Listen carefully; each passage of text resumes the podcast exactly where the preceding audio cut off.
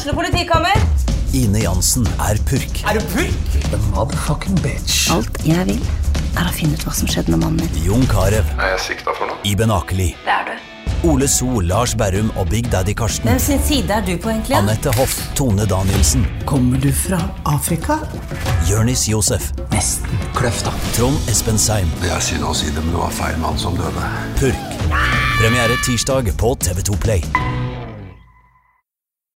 Fotball på Østlendingen blir brakt til deg av Eidsiva og Sparebanken Hedmark.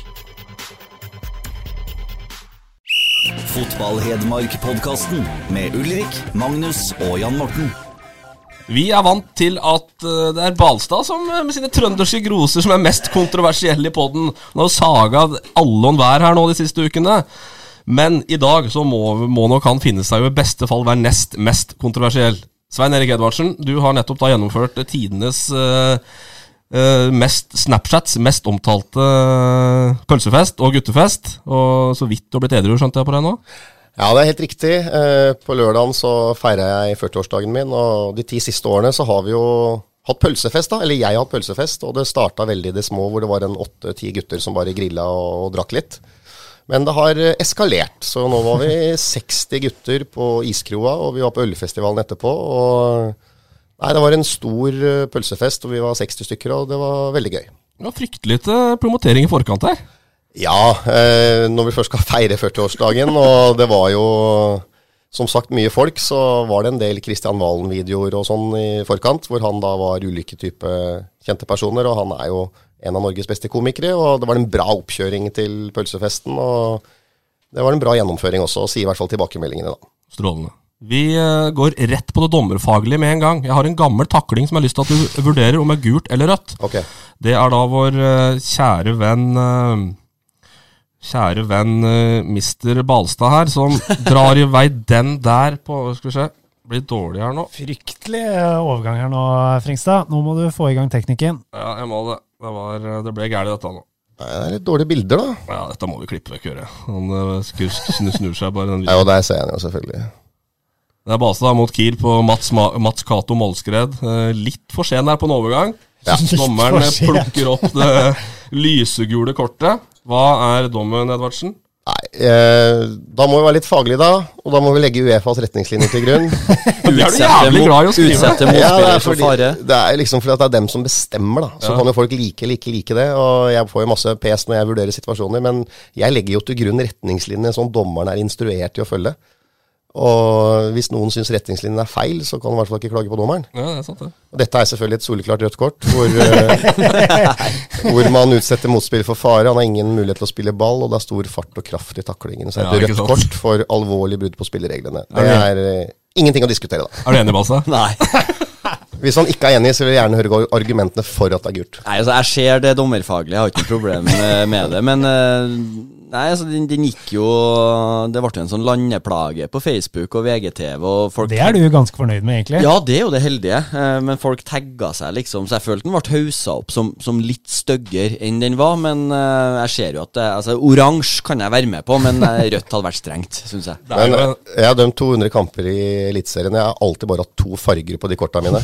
Det har vært gult eller rødt. Jeg har aldri hatt med noe oransje kort. I dette tilfellet så vippa jeg ned til gult, da. For du mener at det er en litt kraftig krokfot, du? Nei, altså, Den er stygg, jeg har ikke problemer problem med det, men uh, Meier ned. Ja, ja, ja, ja. Det er litt sånn som trønderregelen. Altså Torbjørn Aas, en av Norges aller beste dommere som eh, er fra Trondheim, han hadde en regel oppi hodet sitt i glansdagene. Hvor han sa at hvis du er i tvil om det er gult eller rødt, så gir vi rødt. Ja. Det er lettere å forsvare det enn motsatt. Og det står ikke noen retningslinjer, da. Men uh, samtidig så er det faktisk lurt å ha det i bakhodet som, som dommer. Og den type taklinger tror jeg ikke du ville ha blitt utsatt for sjøl av noen andre, da. Nei, så er jeg jo enig i det som du sier, hvis du er i tvil om det er gult eller rødt. Eh, Jeg, som dommer, så hadde jeg jo, når du sier det, så hadde jeg jo gitt rødt på den. Men da ble en jo enig med en gang. Det var en veldig kort, det var en veldig kort Det var et godt argument. Men du har jo tatt på deg den rollen som, eh, som et eh, dommerorakel på Twitter nå, litt i lys av en sånn sidestilling du har også. Men, men der skaper du blest og debatt også. Ja, eh, jeg har en avtale med Nordic Bet, som eies av Betson, hvor jeg er dommerekspert i 2019 i første omgang. Eh, og etter hver runde i Eliteserien så kommer jeg med mine faglige konklusjoner eh, i, i lys av de nøkkelsituasjonene som oppstår i de ulike typer kampene. da. Om det er straffespark, var det riktig med straffe, var det feil, var det filming, var det ikke filming, var det gult, var det rødt, var det hens? Det siste er jo mildt sagt vært et hett tema, da. Det er jo irriterende korrekt da på de der uh, greiene dine. Ja, det er jo jobben min, da, som jeg liksom prøver å si at jeg uttaler meg på bakgrunn av det dommeren har blitt instruert i å vurdere og fortolke der og da. Jeg bryr meg ikke om om det er Liverpool eller Tottenham. Jeg veit ikke mange favorittlag jeg har hatt jeg, siden jeg begynte som dommerekspert, men det er noe fakta sånn at jeg har bare Hamar idrettslag, og dem eh, er ikke på TV engang, så Da må du dømme Torp hvis det skal bli Da må ja, Torp. da må Ja, der er det vel bare sånne taklinger som uh, Balstad pleier å sette i, så det Ja, er det jo livsfarlig å både se og dømme der. der. Men du ser at han skaper sirkus på Twitter hver gang han uh, melder det som da er, Er riktig, korrekt. ja. Jo, men det var, det var det jeg skulle Jeg satt og tenkte på. Jeg, jeg føler at spesielt sånn dommersituasjoner og, og at det engasjerer mye mer nå enn det gjorde før. Eh, også fordi at Twitter blir sterkere og sterkere, og det er lettere tilgjengelig. Men en, en, sånn som det med hands og, og avgjørelser hit og dit, straffe eller ikke, jeg føler det Folk snakker jo ikke om noe annet. Og å få en sånn eh, blogg som belyser det i tillegg, det er jo med på, på å hausse opp den debatten. Men er du enig i det? Altså at, at dommeravgjørelser er mer Folk diskuterer det mer og har mye mer meninger om det nå enn for noen år siden? Ja, det er helt opplagt, fordi at eh, altså, utviklingen i fotballen har jo gått i rakettfart. Altså Hvis vi finner tilbake igjen eh, Du bør ikke gå så langt tilbake igjen engang. Altså, hvis du bare finner TV-bilder fra 2012 f.eks., og sammenligner det med nå i 2019, så føles det som det er 40 år siden. Fordi at tempoet er raskere, spillerne er mer profesjonelle, dommere er mer profesjonelle. Eh, det går mye fortere, naturligvis, og det gjør jo at det blir oftere feil dommeravgjørelser enn tidligere. Det er en grunn til at VAR har kommet, selvfølgelig. Eh, og eh, jeg tror at det er, eller jeg er helt sikker på, det er vanskeligere å dømme fotball eh, i 2019 enn det var i 2009. Eh, og det henger sammen med det jeg nettopp sa nå. Men det er klart at eh, for å svare på spørsmålet, så er jeg helt enig i at det er mer fokus nå på enkeltsituasjoner enn tidligere. Og det er nok også fordi at folk har et mer bevisst forhold til hva er det som er viktig her. Før så kunne man jo stå og diskutere om det var et innkast midt på banen, om det skulle ene eller, ene eller andre veien. Folk holdt jo på å mase om det i ti minutter, liksom. Det var flere spillere jeg sa at det er mulig jeg pekte feil vei i stad, men kan du være så snill å lokke nebbet ditt nå, for det avgjør ikke denne kampen her. Og jeg tror du er mye bedre av å ha fokus på andre ting enn at jeg pekte feil vei på et innkast etter 15 minutter midt på banen. Eh, mens det oppfatter jeg også har blitt mye mer borte nå, men nå er han opptatt av det som er viktig. liksom, Er det rødt, er det gult, er det straffe? Altså de som kampavgjørende situasjonene. Det er det jeg også prøver å reise i den bloggen jeg har hos NordicBet. Når det gjelder det som er det viktige for kamputfallet, ikke et feil frispark midt på banen etter fem minutter. liksom. Men så har du jo det da som Uefa mener, og som da er riktig. Eh, Men så har du det vi som supporter opplever som er en jævla viktig og en stor del av fotballen. Champions League-finalen. Er det riktig at det skal bli dømt hands, eller er det feil at det skal bli Nei, jeg dømt syns hands? er- jeg syns den er så vanskelig. Jeg, men jeg skjønner jo ikke den hands-regelen. Det er det som er problemet, da. Ja. Er det riktig at det er feil at det skal bli dømt hands i den situasjonen? Nei, altså eh, Den treffer jo hånda. Eh, og så er det jo dere, sikkert noen paragrafer om avstand og så alt det der, men den treffer jo hånda, så han kan forsvare at den ble straffe. Mm. Syns jeg. Ja, For det er ikke naturlig stilling på hånda, i hvert fall. Eller armen, da. Jo, det er jo en naturlig stilling, for han ber Trippier om å komme inn i sikring. Jo, jo. Da må du jo peke til. Kan Det er 90 000 på tribunen som skriker, Ja da. og, men, eh, og du mener at det er straffe? Men vi må dit, ja. Det er jo dit vi må. Ja, det er- Ja, dere må hit, og jeg bare lar dere snakke først, jeg. Nei da. Eh, igjen, da. Altså, det er egentlig det er mange kriterier som skal legges til grunn når en dommer skal vurdere hens, og det er veldig forvirrende for mange. Og det er mange som sier at ja, men det er jo ikke unaturlig at han har armen i den posisjonen. fordi at hvis man skal hoppe opp i en duell, f.eks., så er det veldig uvanlig og unaturlig å holde armene langs kroppen. Det er det mange som sier, og det har de rett i. Og så er det mange som sier at, og så er det noen spillere som er så redde nå, som har hendene bak på ryggen, akkurat som en skøyteløper. Ja, For det ble jo Det var det jo flere som hadde etter, i etterkant av en situasjon. Riktig. Og da er jo spørsmålet, hvis ballen treffer da, er det straffe da? Det er i hvert fall ikke naturlig å henda på ryggen. Nei. Så, så det er mange problemstillinger som reises. Men for å gjøre det enkelt, så enkelt som mulig, så er det sånn at et spørsmål som jeg kan stille dere, gjør Tottenham-spilleren seg større ved den armbevegelsen han gjør, ja eller nei? Ja. Da er det straffespark. Så enkelt kan det egentlig sies. Ja. Fordi at han må ta konsekvensen av at armen hans er i den stillingen. Men kommunikasjon er jo en del av fotballen. Han må kommunisere med sin back for å få han til å komme inn i sikring. Det er jo det han gjør. Det er riktig, men allikevel så må han faktisk ta konsekvensen av at hvis han holder armen i den posisjonen, uavhengig av hva han gjør, så, og, og ballen treffer den, og når armen er i en så unaturlig stilling som det var i Champions League-finalen, så bortfaller avstand. Altså desto mer unaturlig stilling armen er, desto, altså desto mindre har den korte avstanden å bety. Ja. ja ja, det der har jo vært uh, heftig debattert, men uh... Og så er det mange som ikke forstår når jeg sier at han gjør en forsettlig handling. Så tenker jeg han gjør ikke noen forsettlig handling. Men det, altså, idet han strekker armen sin ut, så gjør han en handling som er å anse som forsettlig i henhold til regelverket.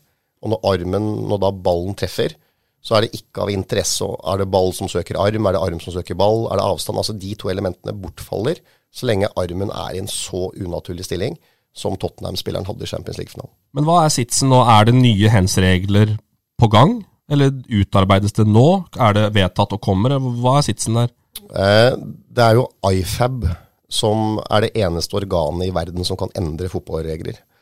Og etter at selve regelverket er endra og modernisert og profesjonalisert, så er det Uefa og Fifa som drar opp såkalt, retningslinjer og fortolkninger som dommerne skal uh, forholde seg til i tillegg. Altså Det står ikke noe i regel 12 om uh, stor fart og kraft i en takling f.eks.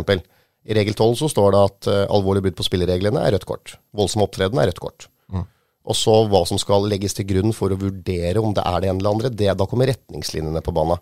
Men for å svare på spørsmålet, det er IFAB som lager regelverket. De har en revidering hvert år, eh, og det trer i kraft 1.6. Mm. Og hvis man ser på U20-VM nå, så har Fifa innført de nye reglene allerede fra 1.6. Uefa venter til 25.6. Eh, det betyr at i Champions League-finalen så var ikke de nye reglene innført. Mm. Og det er heller ikke det nå, når Norge skal spille landskamp til uka. Så eh, det er en ny regelrevisjon hvert år. Og jeg er jo så heldig så jeg kjenner noen både i IFAB og Uefa og Fifa, bl.a. David Ellery, som er teknisk direktør i IFAB.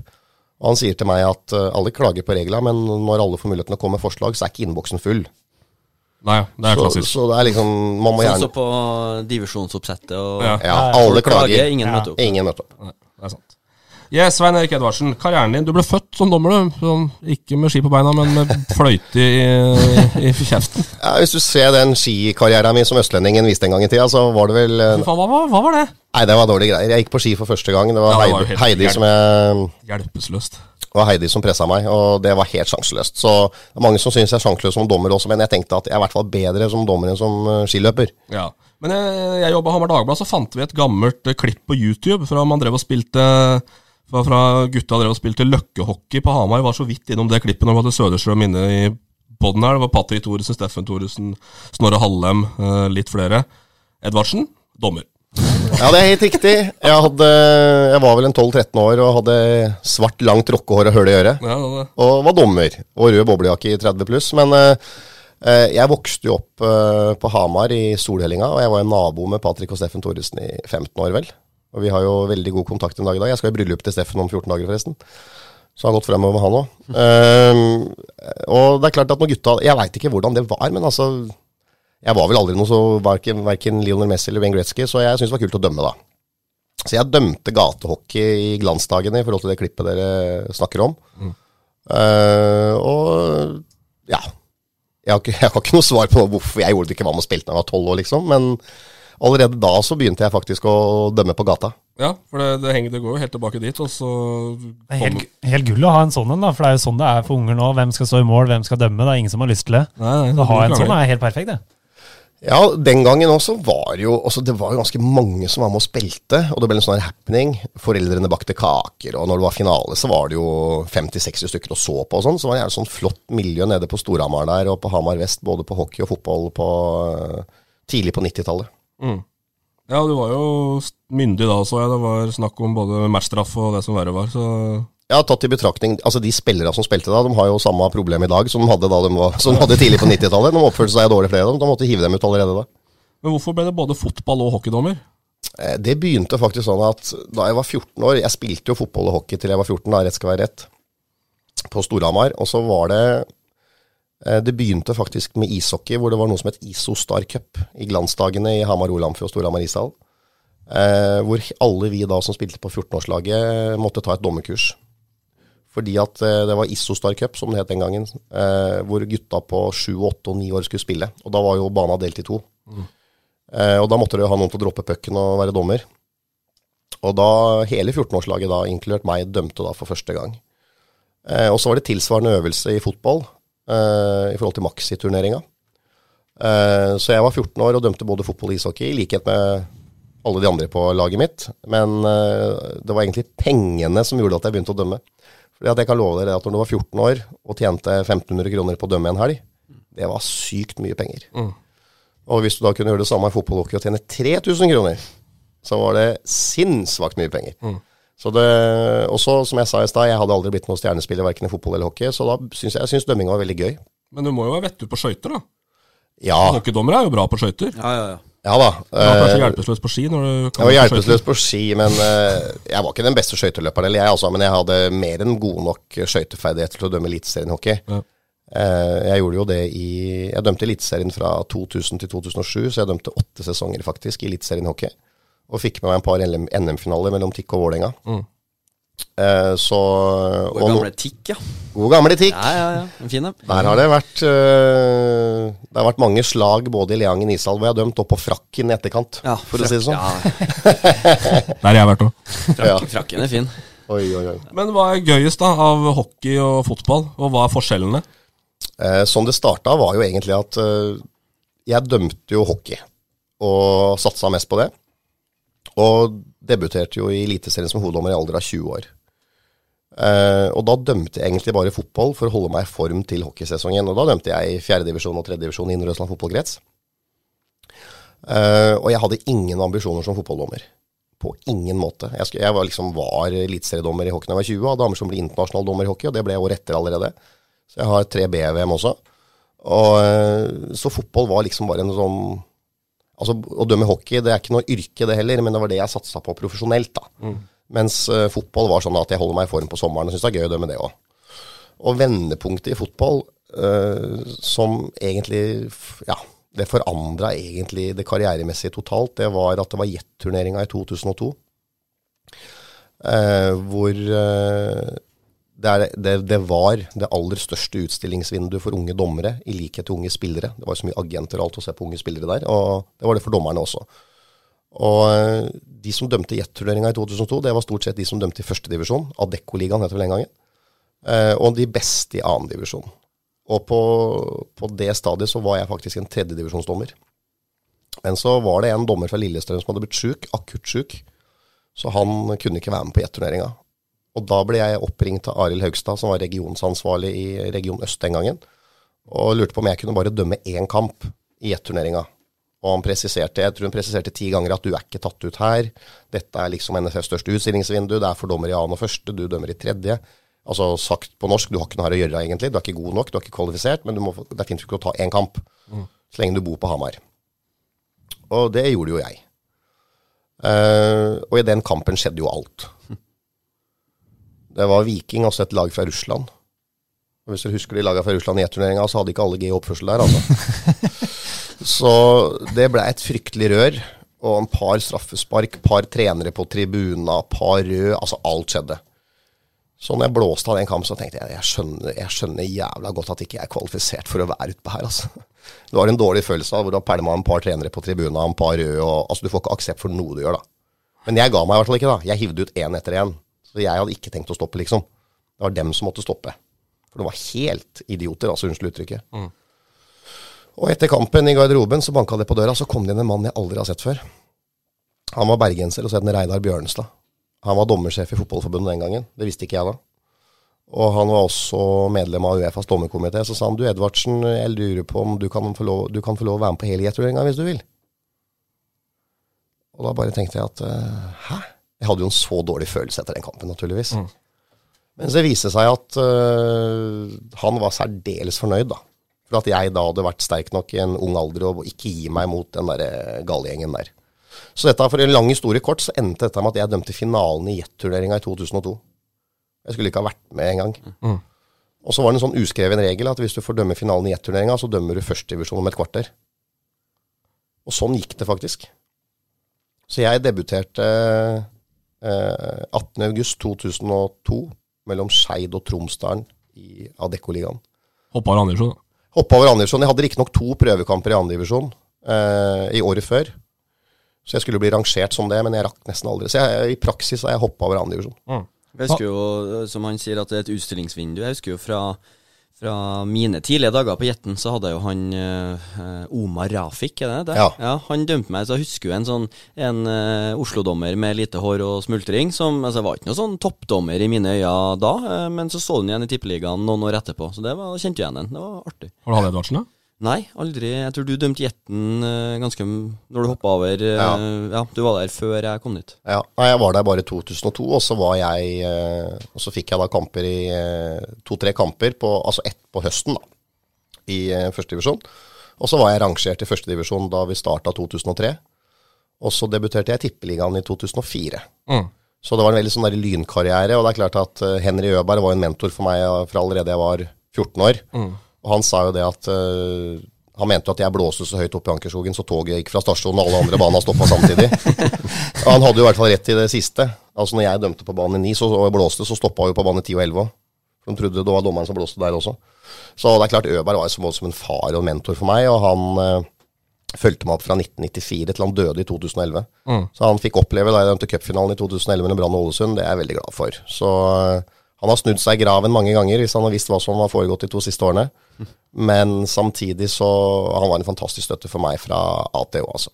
Da har du egentlig nevnt de tre neste eh, punktene som står på programmet. Da står det Henry Øberg, kontroversiell og lynkarriere. Eh, Ja. Men du må jo si det at det er jo, det er jo tilfeldig, da. For da hadde du fått en annen kamp under jetturneringa, så er det ikke sikkert det hadde skjedd det som skjedde. Du Nei. fikk akkurat den matchen hvor det var så mye. Ja, og så tror jeg det var enda mer i tilfelle at Reidar Bjørnestad, dommersjefen i Norges Fotballforbund, som egentlig var veileder i Champions League og Tippeligaen hver runde, ikke sant? han bestemte hvem som skulle dømme hvor.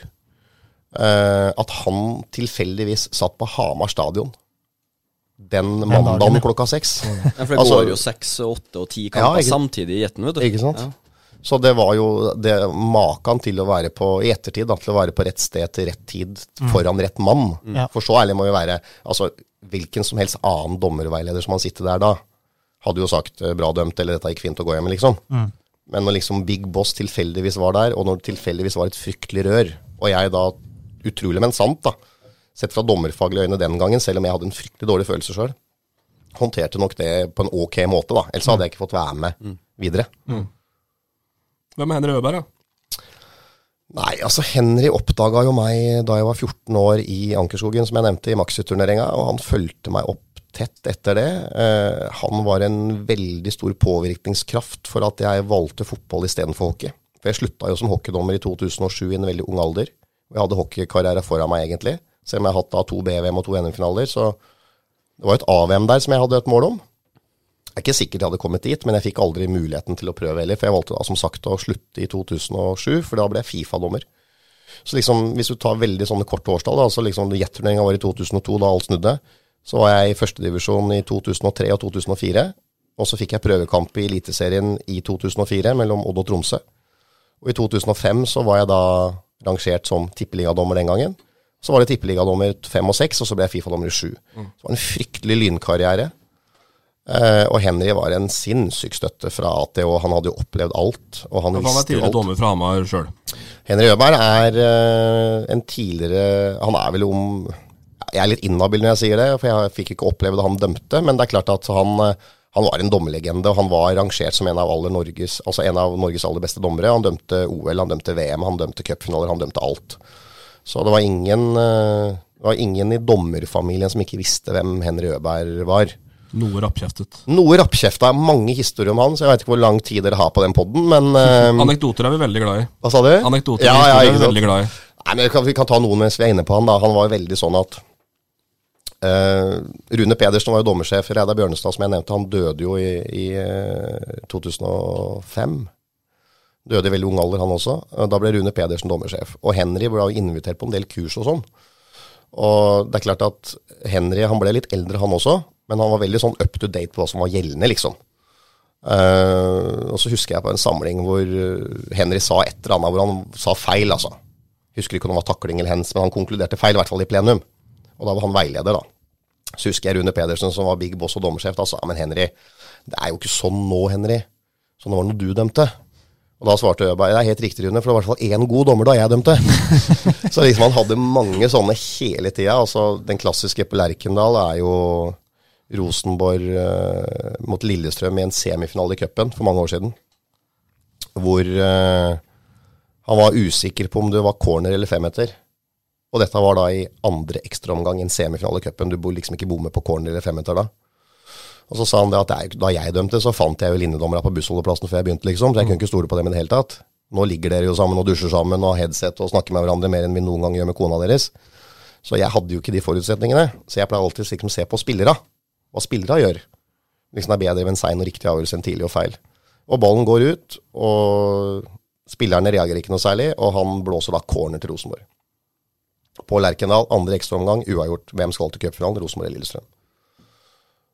Og så sier jeg bare at når Odd Iversen gikk og lo, da skjønte han at uh, dette skulle ikke vært corner. Og Lillestrøm-spillere med han Erik Soler i spissen var i harnisk. Så jeg bare skjønte jo med en gang at nå har jeg bomma, altså. Hva gjør jeg nå? For i ni av ti så hadde han Odd Iversen av ballen i mål, ikke sant? Så det han gjør når ballen er i lufta Altså, corneren var vel knapt nok tatt. Da er det blåst frispark andre veien. Olling. Og da klikker det fullstendig for Odd Iversen. Og han sier da at ja, men faen Øberg, dette er da for helvete meg ikke noe frispark. Og så sier jeg bare det helt riktig, Odd, men det var ikke noe corner heller. og så lo alle. Og så var dette greit. Hadde vi gjort noe sånn i dag, så hadde det blitt mas. Sånn, du bør ikke gjøre to feil selv om du har gjort én. Mens Øberg sa til meg at er, du må, må bruke huet. Det er fortsatt, Regel 18 er sunn fornuft å bruke huet. Der er det altfor dårlig. Og vi kan si hva vi vil om fortid og, og fremtid, men han har, hadde veldig rett til det. Altså Det er fortsatt lov å bruke huet og få aksept, fordi folk er opptatt av rettferdighet. ikke sant? Og så, jeg, jeg må ta en til han til slutt, for den er faktisk, den syns jeg er morsom. da. Og det er at Han ble veldig dårlig. Han fikk hjertestopp og seila om oppe på Lærdal. Han dømte en veteranmesterskap, og Viggo Sundmoen redda jo livet hans med munn mot munn-metode og alt som var. Og vi var alltid inne på Norway Cup da, um, for å se på unge dommere. Og det var mye rør om jeg skulle få med han dit eller ikke i 2010, altså. Alle leger og sykepleiere og sånn. Jeg var på opptreningssenteret ute på Ottestad, rett ved der han bor. Og det var jo bare stoppskilt overalt. Og kona hans Jorunn, som jeg har veldig god dialog med og kontakt med den dag i dag, fantastisk dame, ser ut som jeg er 30 selv om jeg er 70. Så Øberg traff bra der. Um, uh, men i hvert fall så, etter mye om og men, så fikk jeg lov å ha med han på Norway Cup. Og det var rapporteringsblikk hver time, liksom. Går det bra? For mannen var jo helt klart død en par ganger. Og da sa han jo alltid det at jeg er større enn Jesus, han sto opp igjen, jeg har stått opp igjen tre. Og det var jo riktig, da, for han var jo helt klart død tre ganger og våkna opp igjen. Men, og så var vi oppe i Ekebergsletta her, så sa jeg at vi må rapportere hver gang her nå og sånn. altså. Ja, nei, det var greit. Og så gikk det jævla bra opp på den der Ekebergsletta. Men før vi dro fra Hamar Det er det som er det er, Ja, det er et minne som jeg aldri kommer til å glemme. Så, for jeg spurte alltid Vi vært på Norway Cup i ti år, da. Og så har jeg alltid spurt skal vi kjøpe med noe, skal vi ha med noe, liksom. Ah, nei, nei. Alltid nei. Og så plutselig var det ja. Så da sa jeg nå skjønner jeg at du er sjuk. Skjønner du er dårlig nå. For nå svarer du ja på et spørsmål du svarte nei på i ni år. Hva vil du ha? Nei, han ville ha boller og Solo, sa han. Ok, rett nedpå 7-Eleven ved NSB der på Hamar. Inn der. Bak kassa så står det ei dame som eh, Jeg har ikke sett henne før, og det hadde ikke han heller, men hun så bra ut, da. Hun så bra ut. Og da vi gikk inn døra der, så ble Øberg helt stiv. Så sa han 'Jeg er faen ikke sjuk, det fungerer fortsatt her', sier han. Og så sier jeg ja, ja, ja, det er greit, men det var en del folk der og sånn. Og så sier jeg det at eh, Så sto det en sånn der plakat over ved kassa der. Det er ikke, det er ikke til å tro at det er sant, vet du. Så sto det at det var tilbud på seks boller med rosiner og en brus. Det sto sånn plakat der. Og så tenker jeg at ja, ok, jeg får gå og hente en solo for da. Han sto og så på denne plakaten, og så enda mer på hun dama. Og så sa jeg det at uh, vi skal ha tre boller og den soloen her, sa jeg. Så sier hun dama ja, vi har tilbud på sex. Da driter vi i de bollene, sa Øberg. og hun skifta farge fire ganger i ansiktet. Og Øberg nei, du må ikke bli flau nå, vennen min, for om jeg sa det. Og da, Jeg trodde blodkara til hun dama bak 7-Eleven skulle sprenge. Jeg har aldri sett henne før, aldri sett henne siden. Men det er ei historie som er helt sykt. Tenk deg det, det henger en plakat der, ikke sant. Tilbud på seks boller og brus, og så skal vi ha tre boller og brus. Så sier hun dama vi har tilbud på seks, så sier jeg bare vi, da driter vi i de bollene. altså, det er eh, Ja, det er bra. Den er bra. Det var lang avhandling om Øberg. Ja, men det er bra. Men hva, hva tok du med deg fra Øberg ut på banen? da? For du var en annen type dommer, og det må du kanskje være, for det, dette er jo egentlig rene personlige egenskaper. Eh, men du har blitt beskyldt for en som ikke går an å prate med, og som er eh, tidvis arrogant. Ja. mens Øberg var kanskje den sosiale og den som eh, dro en fleip, da, og kom unna med det. Eh, Ja. ehm, jeg tror, eller jeg tror jeg veit Altså, jeg hadde, som jeg nevnte i stad, en veldig sånn lynkarriere. eh, og ble veldig høy på meg sjøl, spesielt etter at jeg ble Fifa-dommer i 2007. Jeg tror ikke det er mange som syns Svein Erik Edvardsen var arrogant i perioden 2002 til 2007. Det tror jeg ikke det er mange som har. Eh, fra 2008, og spesielt da i 2009, så syns hele Norge det. Følte jeg. Med veldig god grunn.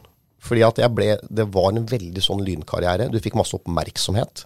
Jeg tiltrakk meg oppmerksomhet. Jeg syntes det var kult å få oppmerksomhet. Jeg var PR-kåt. Jeg stilte opp alt. Jeg synes alt jeg, synes, jeg, altså, jeg trodde sjøl jeg var konge.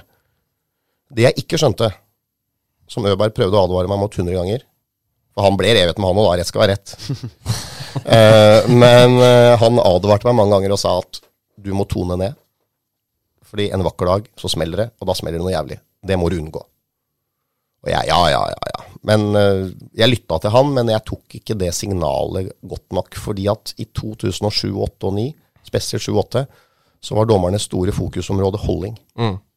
Og for de som husker det, så var det vel én av 14 dommere som blåste straffespark for holding, og det var meg. yes. Og den ene kampen da, da dette starta, det var i nå må jeg tenke, 2008. Det var Tromsø-Vålerenga. Andre serierunde. Og jeg da, på overtid Det var for øvrig 1-1 da dette skjedde. På overtid så blåste jeg straffe til Tromsø. Jeg så at han, Dan Thomassen på Vålerenga, holdt Mika Koppin i Tromsø. Idet Koppin skulle opp på Hedda og ble holdt ned. Jeg så det. Jeg blåste straffe. Og Tromsø skåra, vant 2-1, ferdig. Fullt sirkus utafor dommergarderoben etterpå, med Martin Andresen i spissen. Kom inn i garderoben, skjelte meg ut. Og jeg traff vel ikke på tilbakemeldinga når jeg sa at eh, bare slapp av du, Martin, de dårlige laga får de dårlige dommerne. Jeg traff ikke akkurat på den da, men eh, Det er replikk, da. ja, det ble ikke noe bedre kjemi da, akkurat. Uh, uh, bare spiller Champions League, du, Martin, for der dømmer ikke jeg, men de dårlige laga får de dårlige dommerne, dømmer Edvard Vålerenga. Altså, det passa dårlig da, men jeg sa i hvert fall det. Eh, og så var det jo ingen TV-bilder som viste denne holdninga. Så det var jo full slakt. Og når, det, når jeg da i tillegg skulle kjøre fly, samme fly som klanen på vei hjem, etter Alfheim, etter dette her, så var det, det var dårlig stemning. Alle oppførte seg eksemplarisk, men stemningen var ikke god på det flyet, altså. Det må jeg si.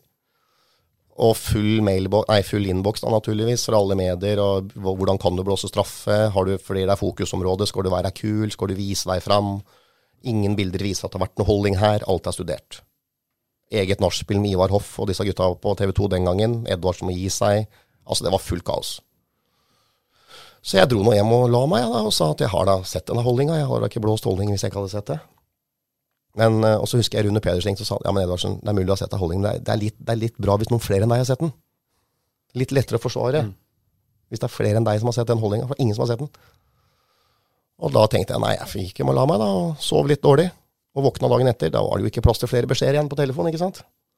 Men da var det en VG-journalist bak mål som hadde fått et bilde av at den holdninga var soleklar. Og da sto det bare 'bilde som frikjenner Edvardsen'.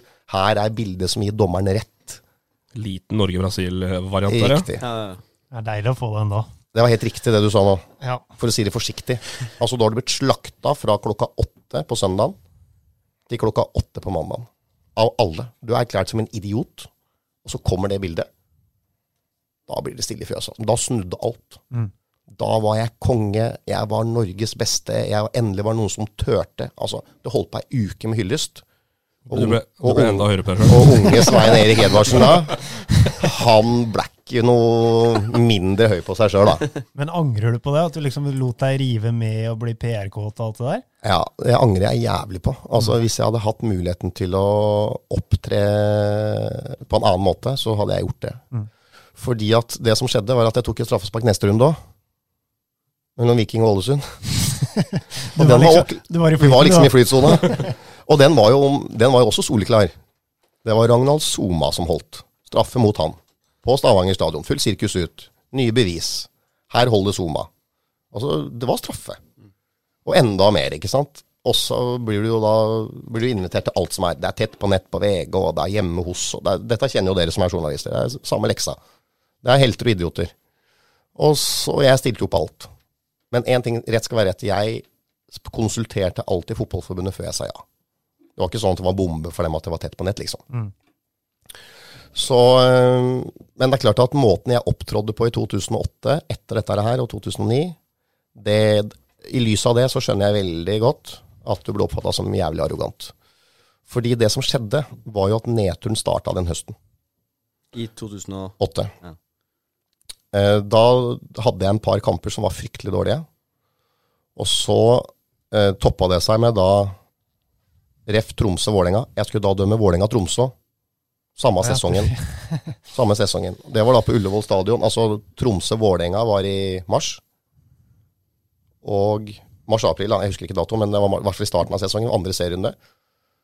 Og så skulle jeg dømme Vålerenga-Tromsø på Ullevål under Norway Cup. Altså da var det 20 000 på Ullevål. Med Martin Andresen fortsatt. Ja, ja, samme, sett. leng- samme gjengen. Jan Erik Aalbu som sportssjef, og han er i godt forhold til den dag i dag, men han var jo idiot den gangen. uh, men i hvert fall, da, så eh, Sikkert med god grunn, altså. Bare så det er sagt. Det var ikke noe god kjemi mellom meg og Vålerenga, da, i lys av dette her. Fordi at de, de vant jo ikke akkurat det bildekampen, for å si det sånn. For Da måtte jo alle ut, måtte ut og beklage at man slakta meg når det bildet kom, så ja. Men i hvert fall, da.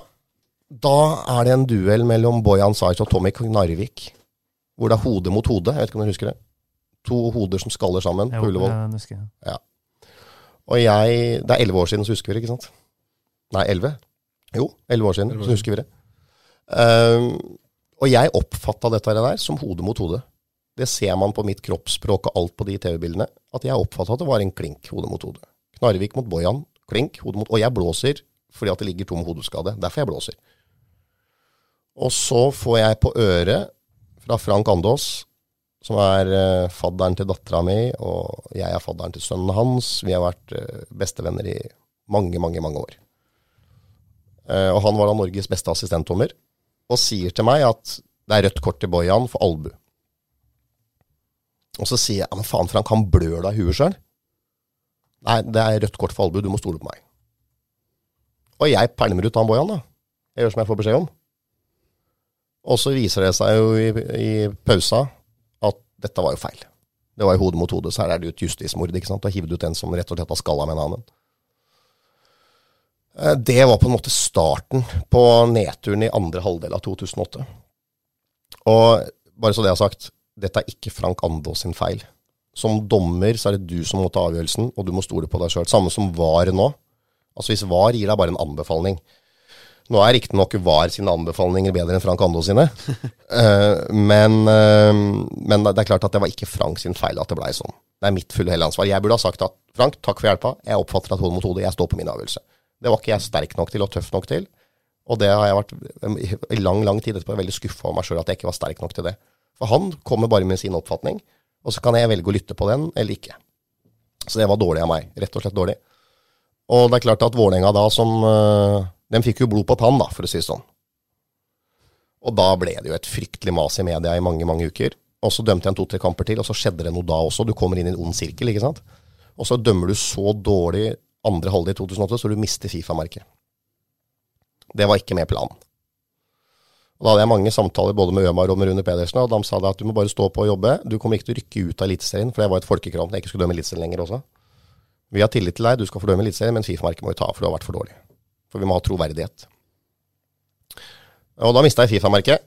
Så dømte jeg uten Fifa-merke i 2009, 10 og 11 og 12. Og så klarte jeg å få tilbake en Fifa-merke i 2013.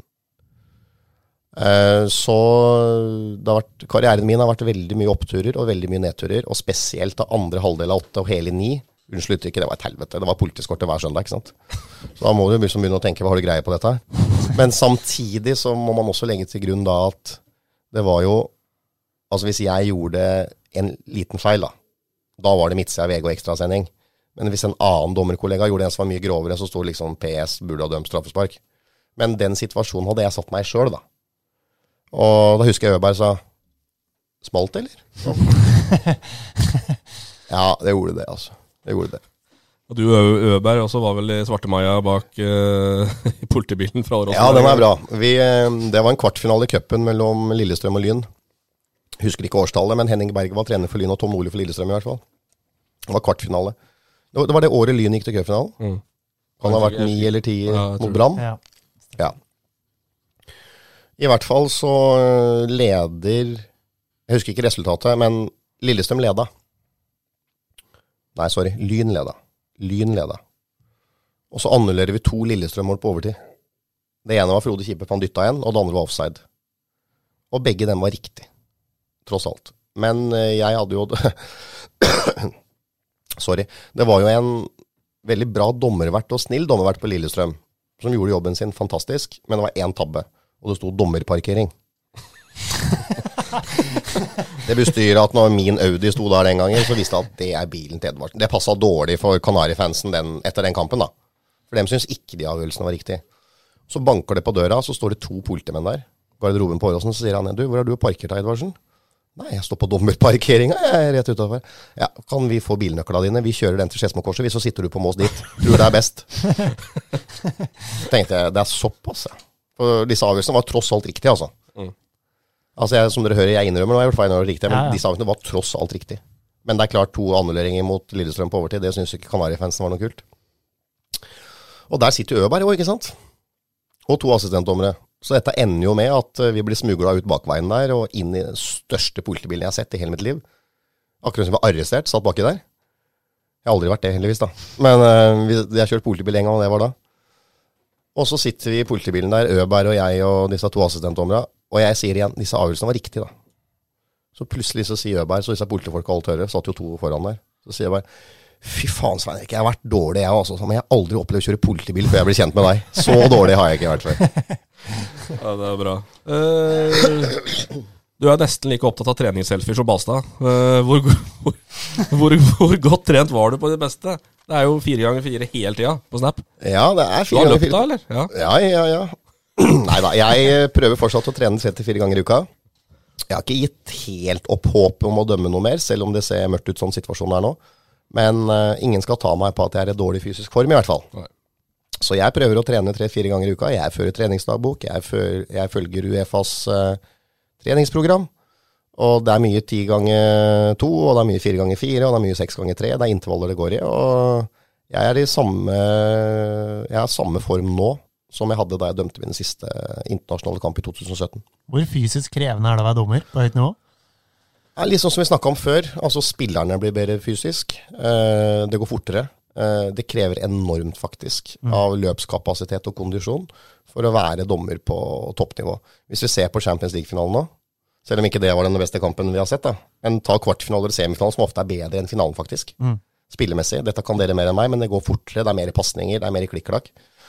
Og det er klart at uh, hvis dommeren da ikke henger med, da er du sjanseløs. Og Uefa er veldig tydelig på at du skal, på hver eneste scoring skal du se dommeren i ruta, helst inn i feltet.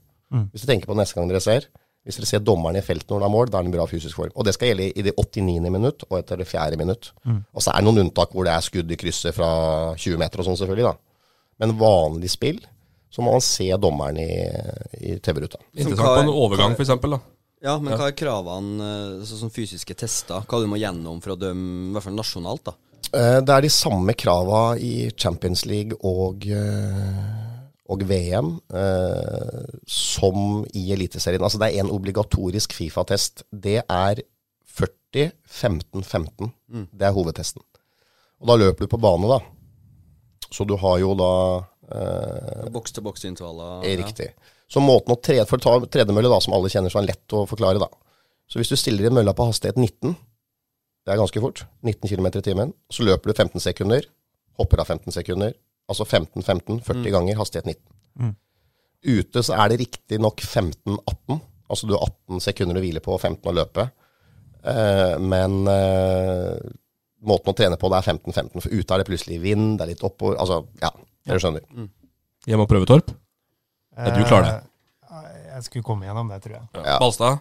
Jeg springer mye 17-13, så det er jo veldig sånn uh, Litt gjen- under, ja. eh, Litt under. Nei, det er jo, for, det er jo spiller, eh, Det er spillerintervall. spillerintervallen. Ja, for du er foran dommeren, du. Ja da, Ja, så, så, men uh, jeg skjønner hva han mener. Og det, For du er sjelden i ruta når det blir mål. Jeg er sjelden i ruta. Jeg slår, jeg slår gjennom meg. Men det er 15-15-40 stykk. Det er ikke noe kjære mor, det, altså. På, Nei, på og- ingen måte. Og på hastighet 19 er fort, altså. Ja, det det, er fort. Det er veldig fort. Går, går fort, det. Så det står respekt av, av det, altså. Og så før den, så er det jo Altså før du, før du begynner på den testen, så er det, er det mm, Du skal løpe 6 40-metere under 6 sekunder. Mm. Med elektronisk tidtaking. Mm. Så det betyr full spurt, da. For meg er det i hvert fall det. Jeg er ikke noen sprinter, men jeg klarer det altså uten problem. Men, og da er det sånn at du står på startstreka, du begynner når du vil, for da går tida. For det er elektronisk, selvfølgelig. Og så står tida når du kommer på andre, så har du gått tilbake igjen. Og så er det den seks ganger. Og så er det en fem til ti minutter pause, og så begynner den 15-15.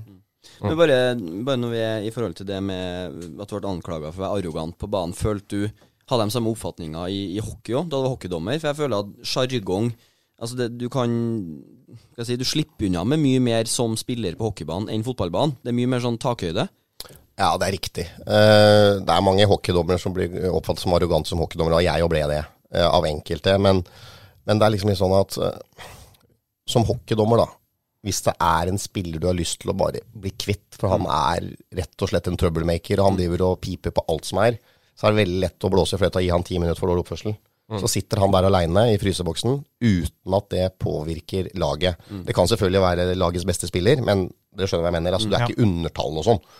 Mens i fotball, da Hvis det kommer en spiller og skjeller ut meg etter fem minutter, da skal han ha sagt veldig mye stygt for at det blir direkte rødt. Han skal faktisk ha sagt ganske mye for at det skal bli gult òg. Fordi at som dommer, du vil jo gjerne ha 22 spillere på bana, og du vil ikke være i fokus, altså. Du vil ikke det som dommer. Jeg husker bare jeg så Det Iskrigerne, og da fikk du jo se en del eh, meldinger som spillerne sendte til dommerne. Og jeg, jeg fikk jo sjokk altså, på hvor mye dommerne Ja. fant seg i. Hadde, hadde, hadde du sagt det der i andredivisjon i fotball, så hadde det jo vært eh, tre kamper på karantene Ja, ja, på tribunen sånn. Ja, nei, terskelen for å tåle reaksjoner er mye høyere i hockey enn i fotball. Det er dømt begge deler, og jeg jo tålte mer i hockey, selv om jeg hadde også stemt på å gi ti minutter på alle som sa bø, da. Men øh, og sånn var det jo ikke. Men vi hadde mye høyere, høyere terskel som Jeg hadde mye høyere, høyere terskel som hockeydommer enn som fotballdommer når det gjaldt å motta eh, kritikk. Ikke noen god forklaring på hvorfor det er sånn, men det er liksom en annen setting. Eh, og så er jo regelverket i hockey mye enklere enn i fotball.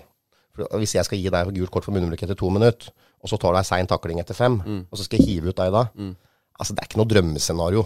Du får ikke noe særlig aksept resten av kampen, da. Men du prøvde å ydmyke en gang, da. Gikk til helvete. Det gikk ikke. Det gikk ikke. Nei da. Jeg har sagt det med glimt i etterpå. Altså, det var jo selvfølgelig Lillestrøm, Lillestrøm Sogndal i 2016. Mye dritt på Åråsen, altså. Nei, Åråsen er en jævla kul stadion å dømme på. Altså, den der eh, politihistoria med Møberg er bare en morsom greie. Og igjen, det var riktige avgjørelser, da. Men eh, ikke glem det. Så det var en morsom greie. Og jeg har dømt Lillestrøm-Vålerenga annet to-tre ganger på Åråsen, og det er jo noe av de beste minnene jeg har. Og Lillestrøm er en fantastisk klubb. Det er masse engasjement, det er masse trøkk. Og det er det i Vålerenga, det er det i Brann, det er det var det i Godset i 2013 da jeg dømte siste kamp om tok gull. Altså, det er mange fantastiske stadioner å dømme på. Men det var Lillestrøm-Sogndal, hvor eh, vi var helt sikre på at han Ramsland, er det han heter, fra Sogndal, han ble jo feia ned. Vi, det var ingen tvil om at det var straff for rødt. Og jeg blåser straffe, og jeg drar opp til rød. Og jeg gir det røde kortet til Amundsen. Amundsen. Amundsen. ja. Amundsen. Eh, og jeg får da som vanlig da, beskjed på øret. Fra, så jeg er for dårlig til å stole på meg sjøl, altså. Da får jeg beskjed fra assistent Jan Erik Engan om at det er Frode Kippe som gjorde dette, og ikke han Amundsen som må rydde opp i dette. Og da, helt ærlig, da begynte jeg å tenke på den Bojan-saken. At nå må jeg ikke gjøre samme tabba nå. Og ikke stole på meg sjøl, men å stole på ham og hive ut feil mann her. Og igjen, ingen diskusjon om straffe og rødt. Det skjønte alle. Og vi kommuniserer, og jeg sier det, mens han sier det er Kippe. Og så tenker jeg nei, nå skal jeg spørre dem. Ydmyk. Ydmyk. Særdeles ydmyk.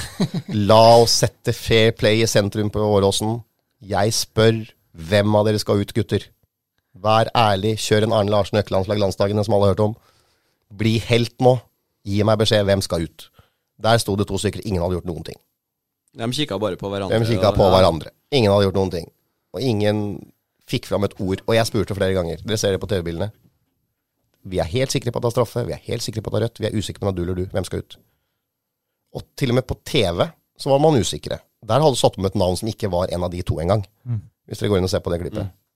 Så, eh, men det jeg gjorde feil der, det var jo at jeg ikke løp ut til fjerdedommeren eller han andre assistenten, for enda kjøpe meg mer i tid. Mm.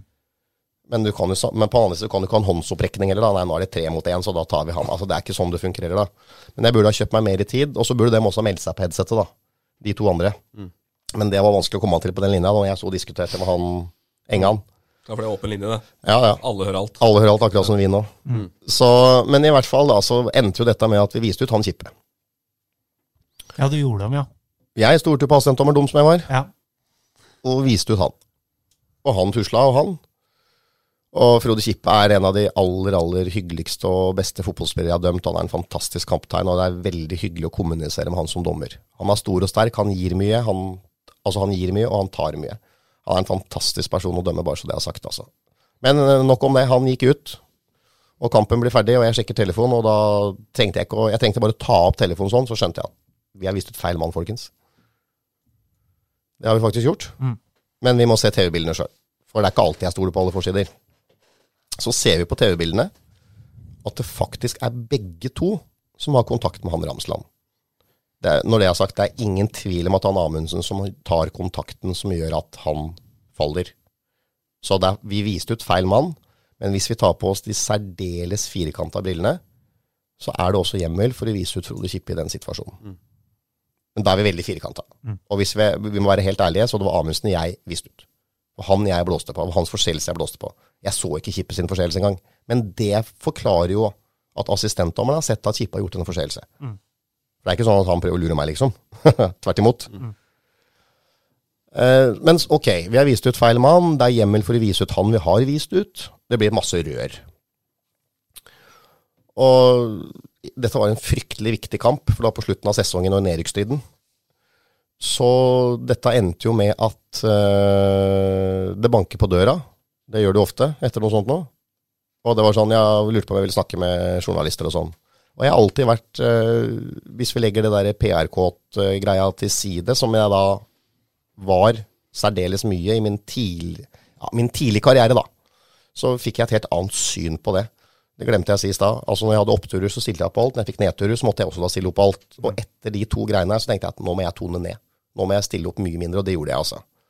Men samtidig så er det viktig med åpenhet. Det har det alltid vært for meg. Jeg har brent for dommergjerningen i 24 år. Og jeg syns det er også viktig at vi som dommere tør å være med i mediebildet. Være med å fremme det positive med å være dommer, få flere til å begynne å dømme. Være med å videreutvikle de som er der, osv. For det er viktig. Det kan ikke bli sånn at, som jeg vet mange spillere og trenere er dommere sitter på sin egen tue, dem. De er ikke en del av fotballfamilien, dem. Altså, det er frimurlosjen. Altså, sånn kan det ikke være. Men det er jo en mellomting mellom eh, Svein Erik Edvardsen og en annen dommer. Ikke sant? Det skjønner jeg. En annen dommer som skulle ha telefonen og aldri vil snakke med noen, kontra jeg som har snakket med alle. En mellomting er sikkert bra. Men, ehm, men, men det er klart at i eh, eh, Når jeg opplevde både oppturer og nedturer der, så tenkte jeg at nå må jeg tone ned. Men en lang avsporing, men tilbake til Åråsen. Alle vil at jeg skal ut i Mikson og forklare meg. Og jeg sier at jeg skal dusje først, så kommer jeg. Og det er på vei inn i dusjen, så banker det på døra. Der kommer Lillestrøm. Vi skal legge inn protest, vi. Da kjente jeg. Klikker det for meg snart. Her er jeg Ja, det gjorde du òg. Ja, det gjorde det. Men eh, til tross for lang dusj, så bare tenkte jeg Nå har jeg blitt lurt av Lillestrøm. Og jeg har for første gang i løpet av 200 kamper sagt med glimt i øyet prøvd å være ydmyk. Det funker ikke. Jeg kan ikke være ydmyk. Nå har jeg prøvd å invitere til tidenes dialog for å sette fair play i fokus.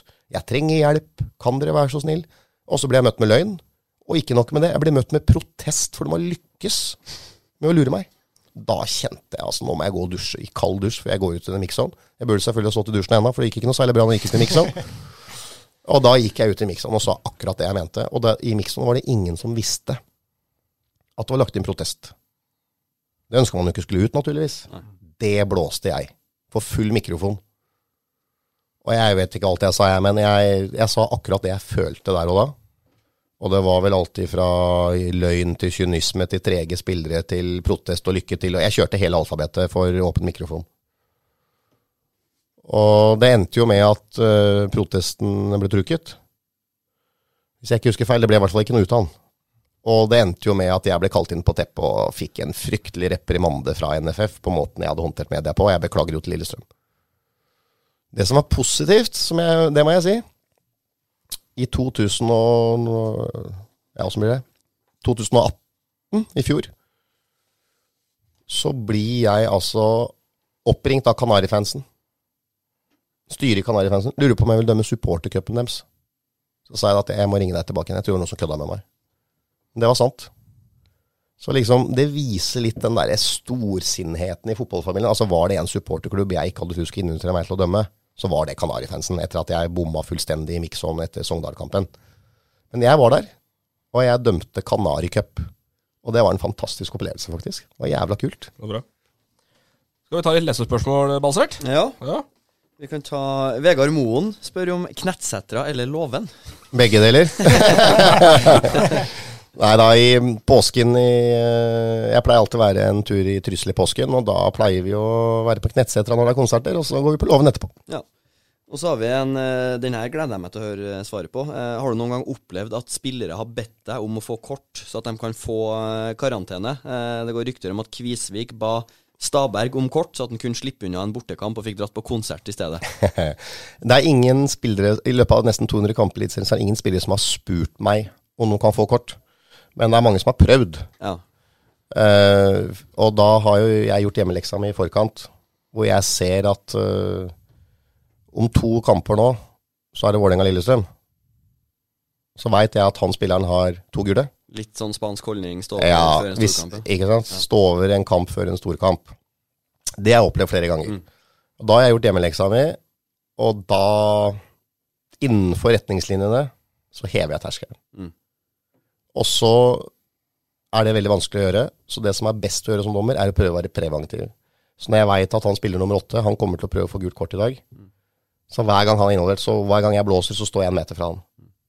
Da er det ikke så lett å sparke bort ballen når jeg står ved siden av han. Eh, hvis jeg ser han skal ut og ta innkast, så løper jeg nesten ved siden av han. Så kast ballen. Så du er mer en sånn derre proaktiv, preventiv eh, Du må rett og slett bruke, lederegenskapene istedenfor retningslinjene for å prøve å unngå den type ting. Så ingen som har sagt eh, 'kan jeg få et gult', jeg har lyst på ei frihelg? Nei. Nei. Men det er noen som har lagt inn mange gode søknader Ja, til ja, frihelg. liksom sparke bort ballen i det 94. minutt hvor det ikke er noe vits liksom. Hvis du leder 2-1 og sparker bort ballen, skal du gi gult da? Mm. Der er jeg Jeg opplevde en gang faktisk hvor jeg dømte et frispark til et lag som leda 2-1. Og vedkommende sparka ballen Altså, han, han sto og drøya og drøya og drøya og drøya. Han ville ha gult kort, da. Mm. Jeg opplevde to, to ting. Det ene er at han drøya tida, for han visste at nå får jeg gult kort. Hvis jeg stå, bare står her nå, så får jeg gult kort. Og jeg visste at hvis han får gult i dag, så står han over neste, og så er han klar mot Vålerenga. Han får ikke gult kort, La han stå der. og eh, også en da som sparka bort ballen som Altså når du leder 2-1, da sparker du ikke ballen på tribuna. Nei. Unnskyld. Jo, riktig. Du leder 2-1. Nei, det, er det er de to tinga jeg har opplevd. Men hvilke, Er det noen spillere som har vært eh, Noen du husker som har vært ordentlig sånn kjaste på deg som dommer, liksom? For det er jo noen som er mer på melderen på dommeren enn andre. Martin Andresen. Martin Andresen. Verst. Ja. Hvordan? Nei, rett og slett sånn klager på ting som ikke er noe vits i å klage på. Uh, og sier ganske stygge ting til deg i uh, veldig vanskelige situasjoner som en dommer. F.eks. hvis jeg dømte et frispark til han, og idet han legger opp ballen, så står han og sier stygge ting til meg. Hvis jeg gir rødt kort til han eller gult kort til han da, hvordan skal jeg klare å selge den avgjørelsen? Mm. Altså sånne type ting. Det er veldig vanskelig. Eh, Øyvind hans, det er litt tilbake til hens. da Han sier at du er veldig flink til å forklare hvordan hens-regelen er. Hvordan mener du at den bør være? Jeg mener jo at den hens-regelen bør gjøres mye lettere enn han er. Sånn at det kan jo ikke bli sånn at bare de som holdt på å si kan fortolkningen og retningslinjen til Uefa, skal liksom eh, forstå det. Og som vi også snakka om før i dag, at liksom både spillere, trenere, ledere, supportere, TV-seere, altså alle bør jo forstå når det er hens og ikke hens. Det er veldig vanskelig, fordi at også, altså hvis det sitter ti dommere i et klasserom og ser på en situasjon, så er det ingen uenighet om det er hens eller ikke. Men ute på banen så sier mange ja, men herregud, når han blåser Han blåser ikke straffe, men han blåser straffe. Det er litt lettvint å si. fordi at det er avhengig av innsyn, vinkel, avstand. Altså akkurat den samme situasjonen kan jeg oppfatte at er hens, mens Tommy Skjerven mener ikke er hens.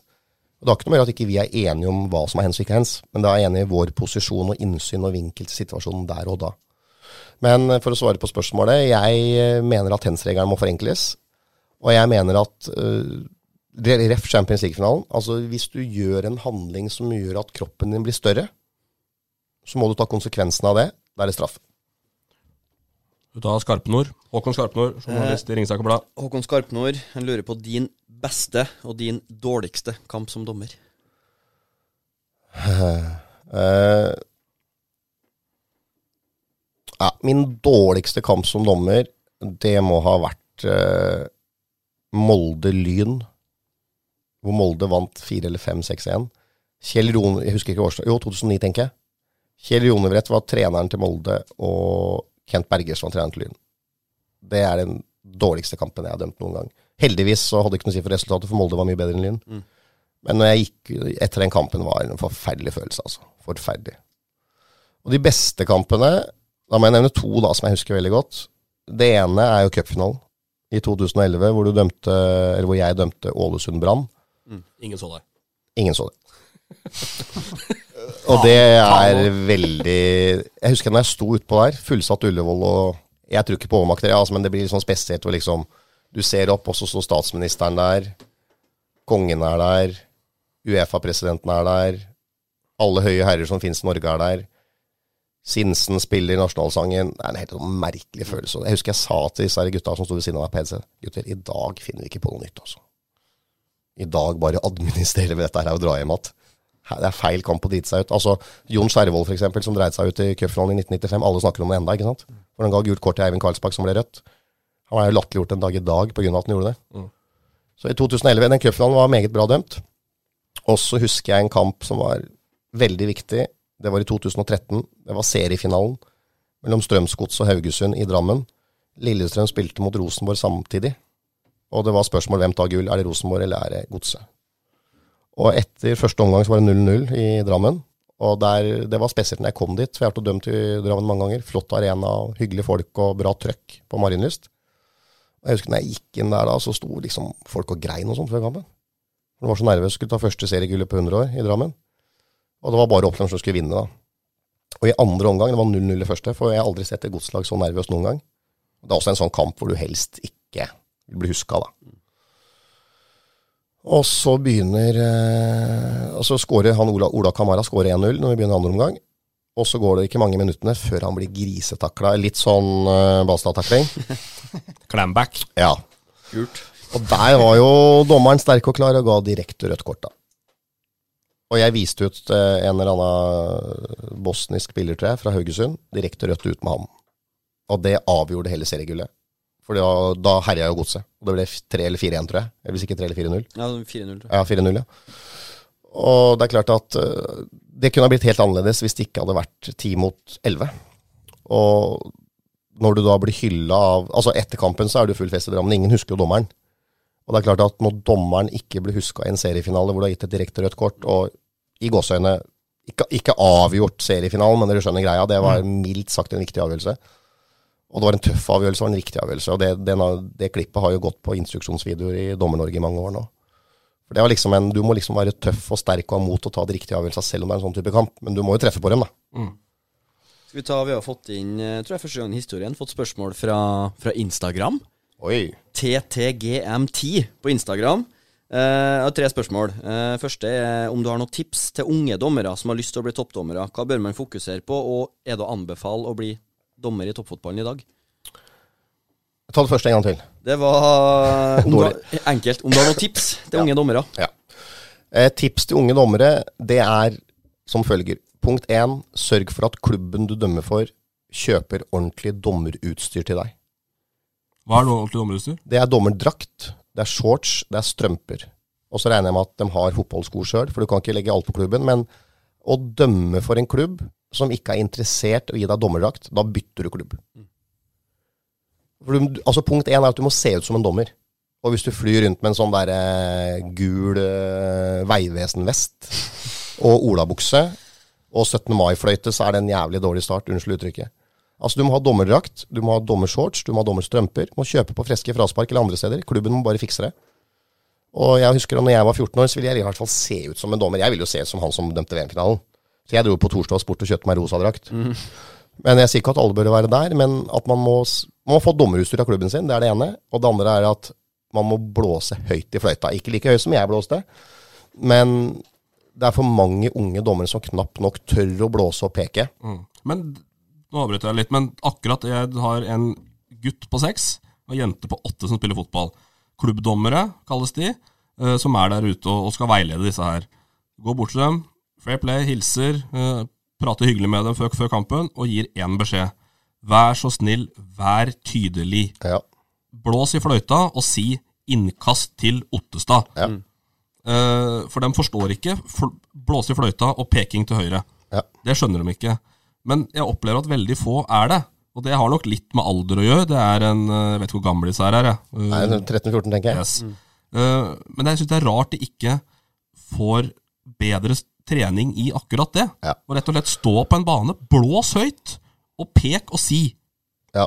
Nå er du egentlig inne på det punkt tre jeg tenkte jeg skulle si til slutt på det spørsmålet. Altså punkt én, sørg for at du har og ser ut som en dommer. Punkt to, vær tydelig, pek, blås, ikke vær redd for det, liksom.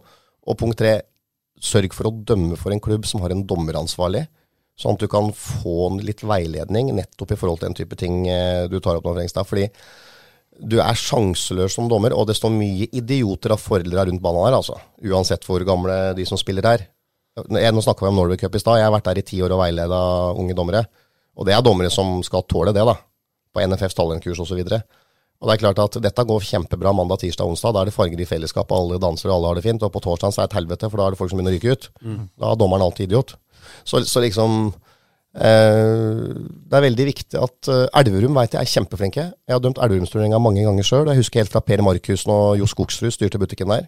Så Elverum, jeg veit ikke hvordan det er nå, men eh, i hvert fall den gangen. Jeg har alltid hatt et inntrykk av at Elverum vært veldig flinke med dommere. Men det er jo veldig fokus på, på utvikling og utdanning og sånn i kretsfotballen nå, med Ja. kvalitetsklubb og alt det Ja, ja. som kommer. Sånn at uh, mange har vel letta på, på stell, i hvert fall de store, Mm. Ja. uh, tipper jeg. Men uh, det er bra.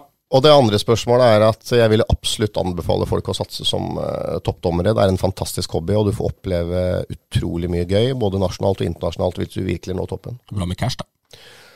Ja. Vi snakka jo på Frengstad sist, som mulig dommer. Ja, Frengstad skal spe på, spe på lommeboka litt. Da skal jeg i hvert fall komme med journalistblokka. Da skal jeg skrive blogg, altså. Jeg er gammel håndballdommer, da. Så det jeg, Ja, jeg veit det. Det var, det var jeg som formulerte meg feil. Det her var bare første del av ja. spørsmålene. Eh, så har han et til. Hva skjedde egentlig under Glimt RBK da du dømte offside da ballen kom fra egen spiller? Hvordan klarte fire dommere å unngå å se det?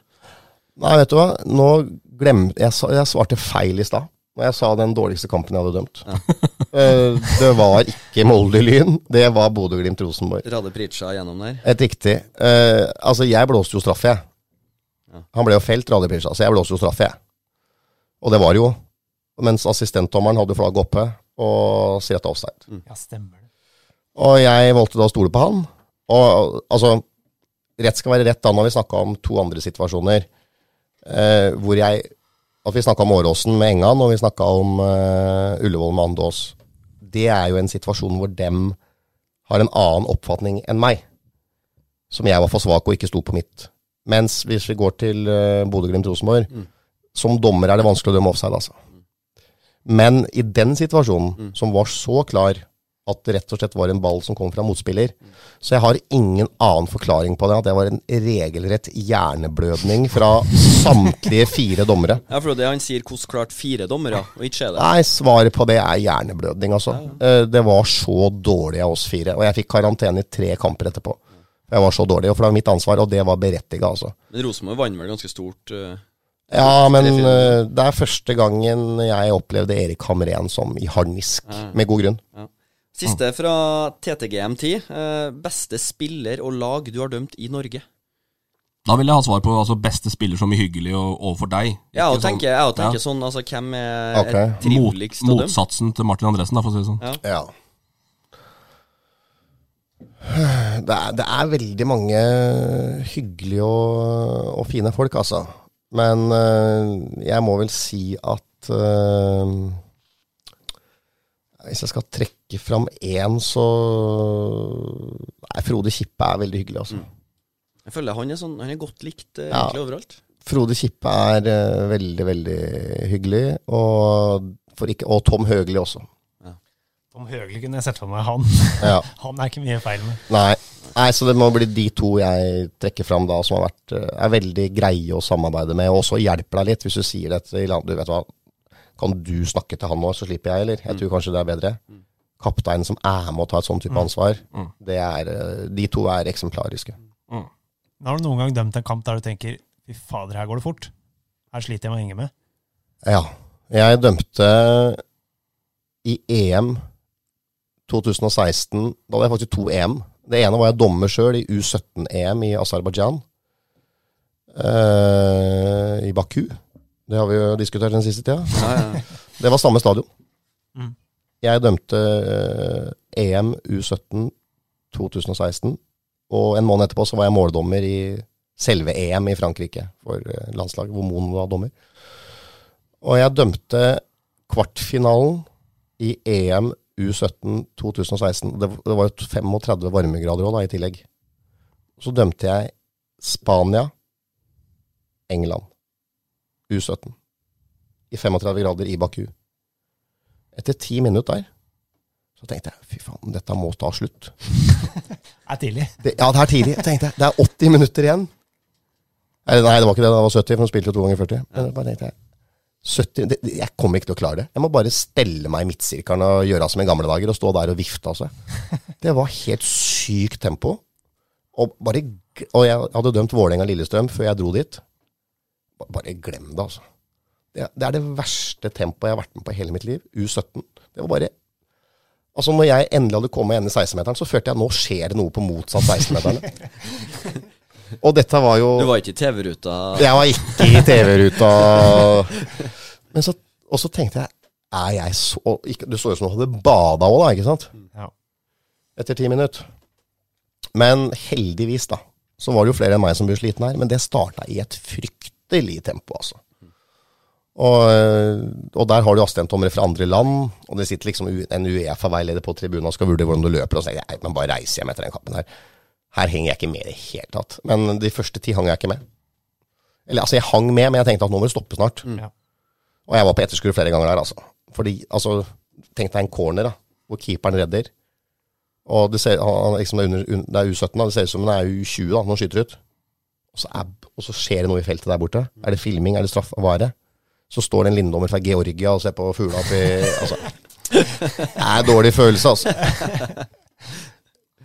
Det er bra. Vi skal eh, litt videre før vi, vi har et par ting til. Eh, dommerkrise. Er det dommerkrise i Norge? Eh, det har vært tatt opp litt på Twitter blant annet siste uka. Blakeren eh, var ute. Altså det, lag nedover i divisjonene får nå dommere som dømmer åtte-ti kamper på en dag.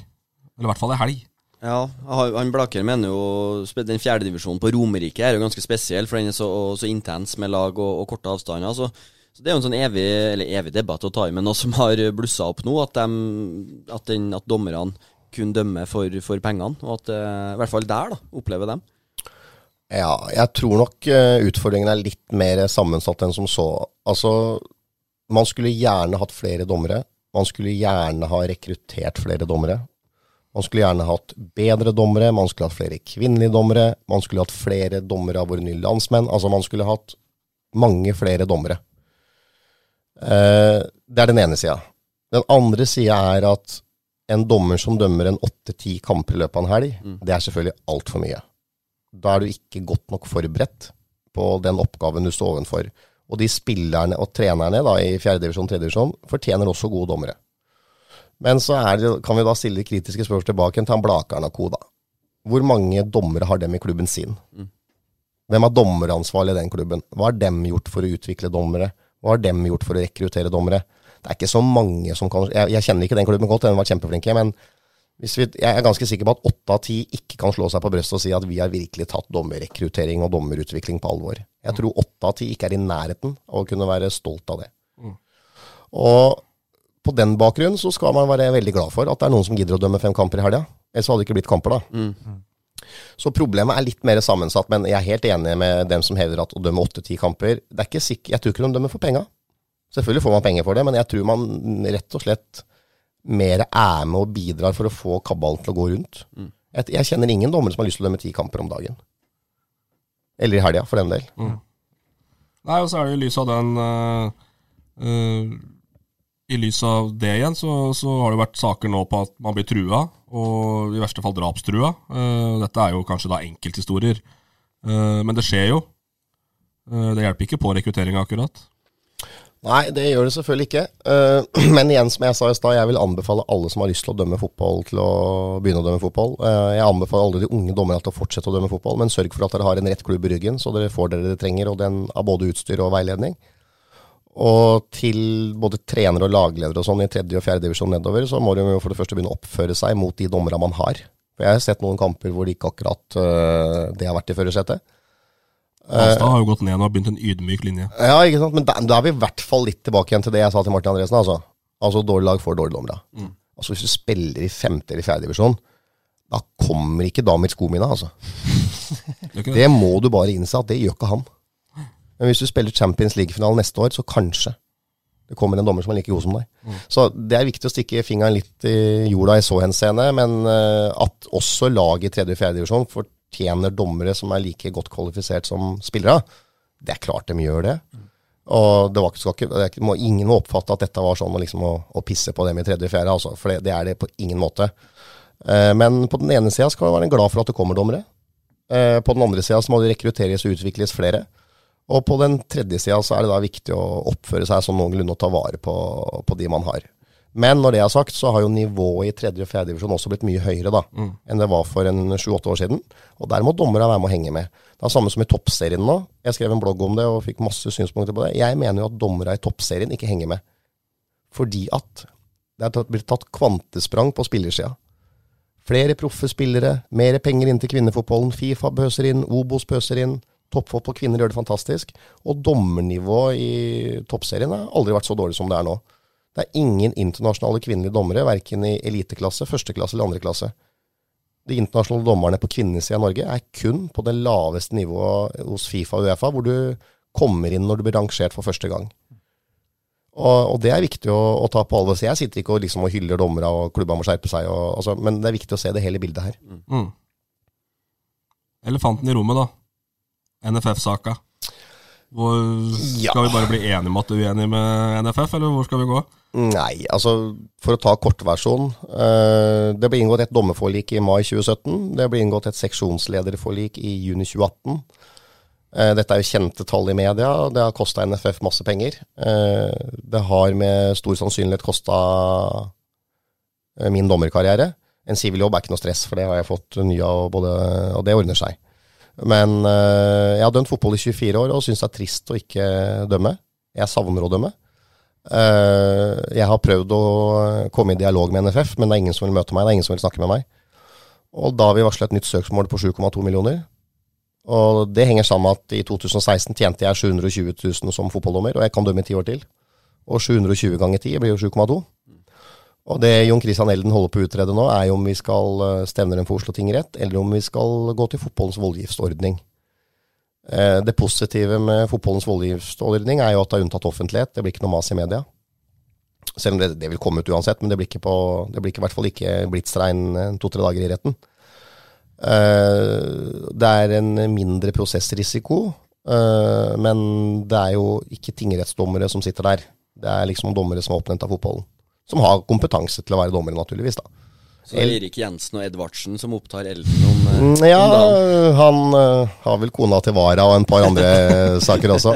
Jon Christian var for øvrig på pølsefesten, så vi diskuterte ikke mye NFF der, men eh, vi var litt innom det. Men igjen, eh, vi, jeg har innsett at jeg ikke dømmer i 2019. Og vi må nesten bare vurdere om vi skal gå i Oslo tingrett, eller om vi skal gå for eh, fotballens voldgift. Og så er det plusser og minuser ved både det ene og det andre. Så er jo spørsmålet om jeg også skal da satse en million, liksom, og stevne dem. Taper jeg, så taper jeg en million, og hvis ikke, så må dem fram i lommeboka. Mm. Er du opptatt av hvordan dette blir oppfatta utad? Mye meninger om det. Det er masse meninger om det. Jeg oppfatter at uh, mange sier at uh, det er ingen andre dommere som vil samarbeide med Edvardsen. Det veit jeg er feil, for jeg snakker med flere av de dommerne. Uh, og så er det noen som syns at liksom Skal du ilegges livstidsstraff fordi du har sendt en par røffe meldinger til en inndommer for tre år siden, eh, hvor det tok to år før han grein på TV, som jeg for øvrig har beklagd Jeg skulle ha sendt de meldingene, men jeg syns det var rart at det tok to år før han begynte å grine. Og jeg syns også det var rart at han grein til TV 2 klokka ett og VG klokka to og NRK klokka tre. Eh, Det, det forsvarer dog ikke at jeg sendte de meldingene og spurte om han var hjernedød når han meldte forfall til en kamp sammen med meg internasjonalt. Eh, Så jeg har beklagd det jeg har gjort i dommermiljøet som er klandreverdig, men det har vært en sjargong og en garderobekultur, som det er i spillegarderober også. Og ta, det er høyt under tak, og det er en prestasjonsgruppe. Man ønsker å prestere. Du krever mye av deg sjøl, du krever mye av omgivelsene. Eh, men det er klart at eh, jeg savner å dømme fotball. Jeg klarer ikke å slå meg helt til ro med at dommerkarrieren er over før jeg har fått prøvd det skikkelig.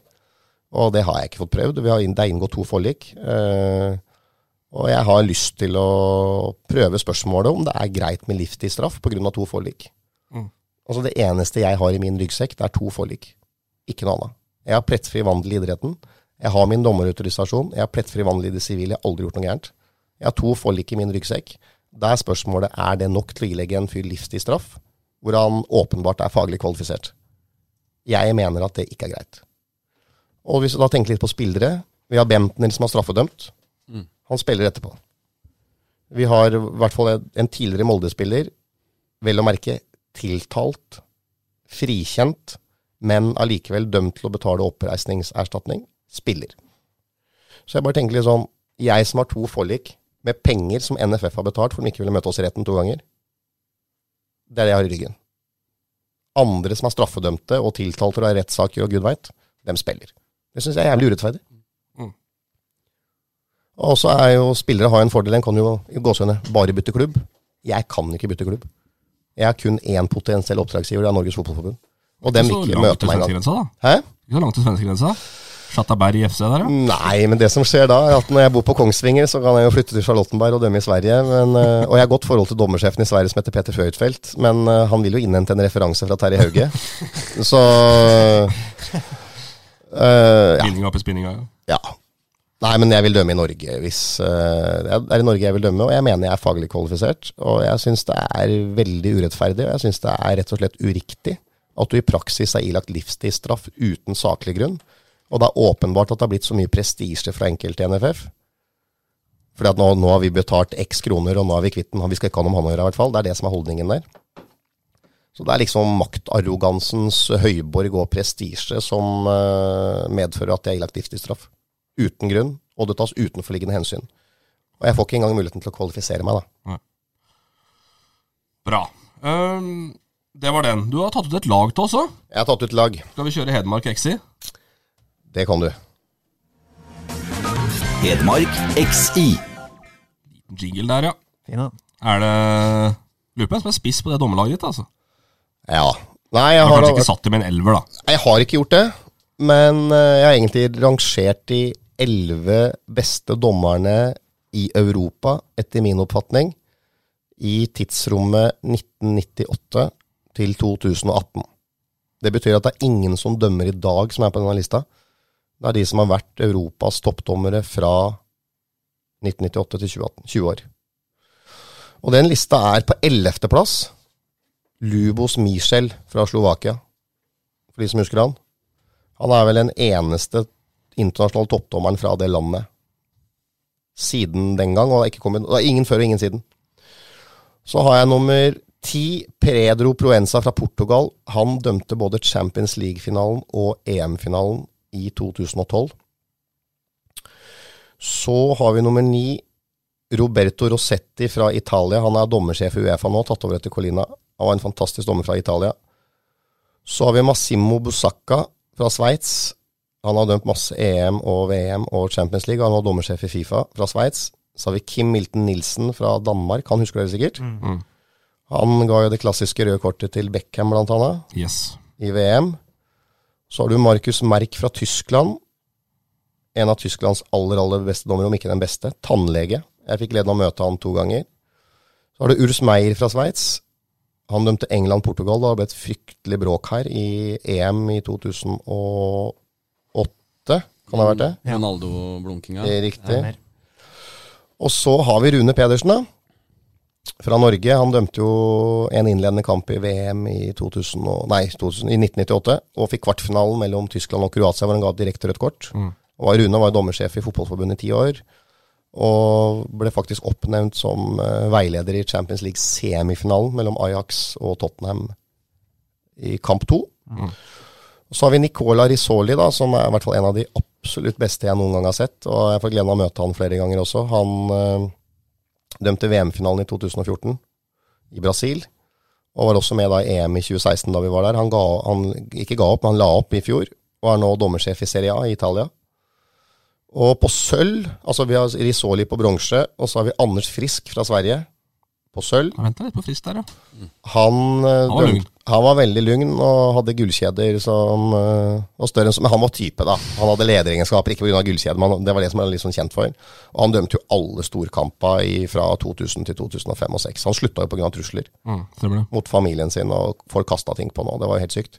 Det begynte jo også med Chelsea-Barcelona, hvor han viste ut uh, en Chelsea-spiller. Mm. Og på toppen så er det jo Pilucci Colina, naturligvis, da. Fra Italia. Ingen har eh, Ingen har vært som han. Ingen kommer til å bli som han. Han har vært dommersjef i Uefa fra 2008 til 2018 i ti år.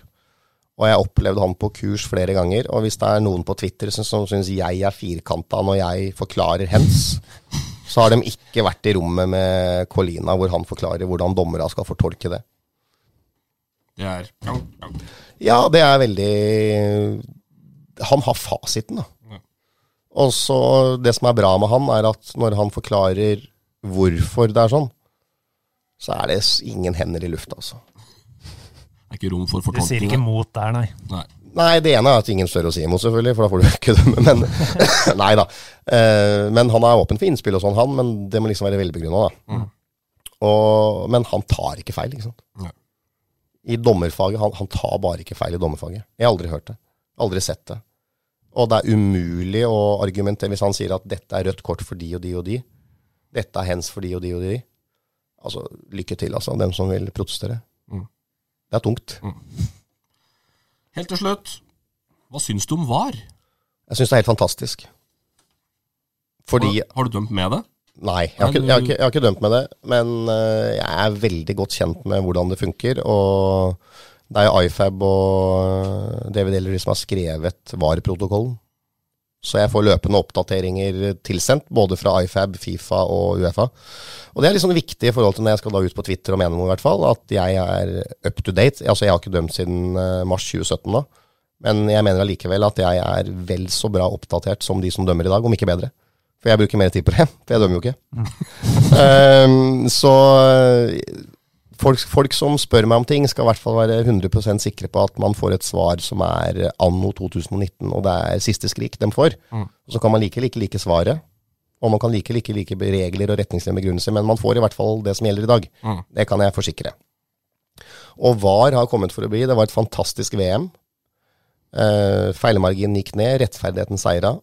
I Champions League nå har det vært litt mer sånn innkjøringsproblemer, spesielt pga. tekniske problemer en par ganger. Men avgjørelsen har stort sett blitt riktig. Eh, og i de nasjonale ligaene som prøver det ut, har det vært mye rør, spesielt i England i FA-cupen, hvor dette har vært prøvd ut. har det vært altfor dårlig, naturligvis.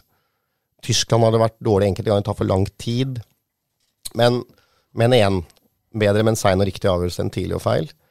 Og VAR er kommet for å bli, og jeg syns det er helt fantastisk. Du kan tenke deg som dommer hvor 90 000 på tribuna og en mildere TV-serie veit at du har driti deg ut. Og så er det én mann som ikke får muligheten til å se en gang til å rette opp i det. Så står det flere hundre millioner på spill. Sier seg sjøl.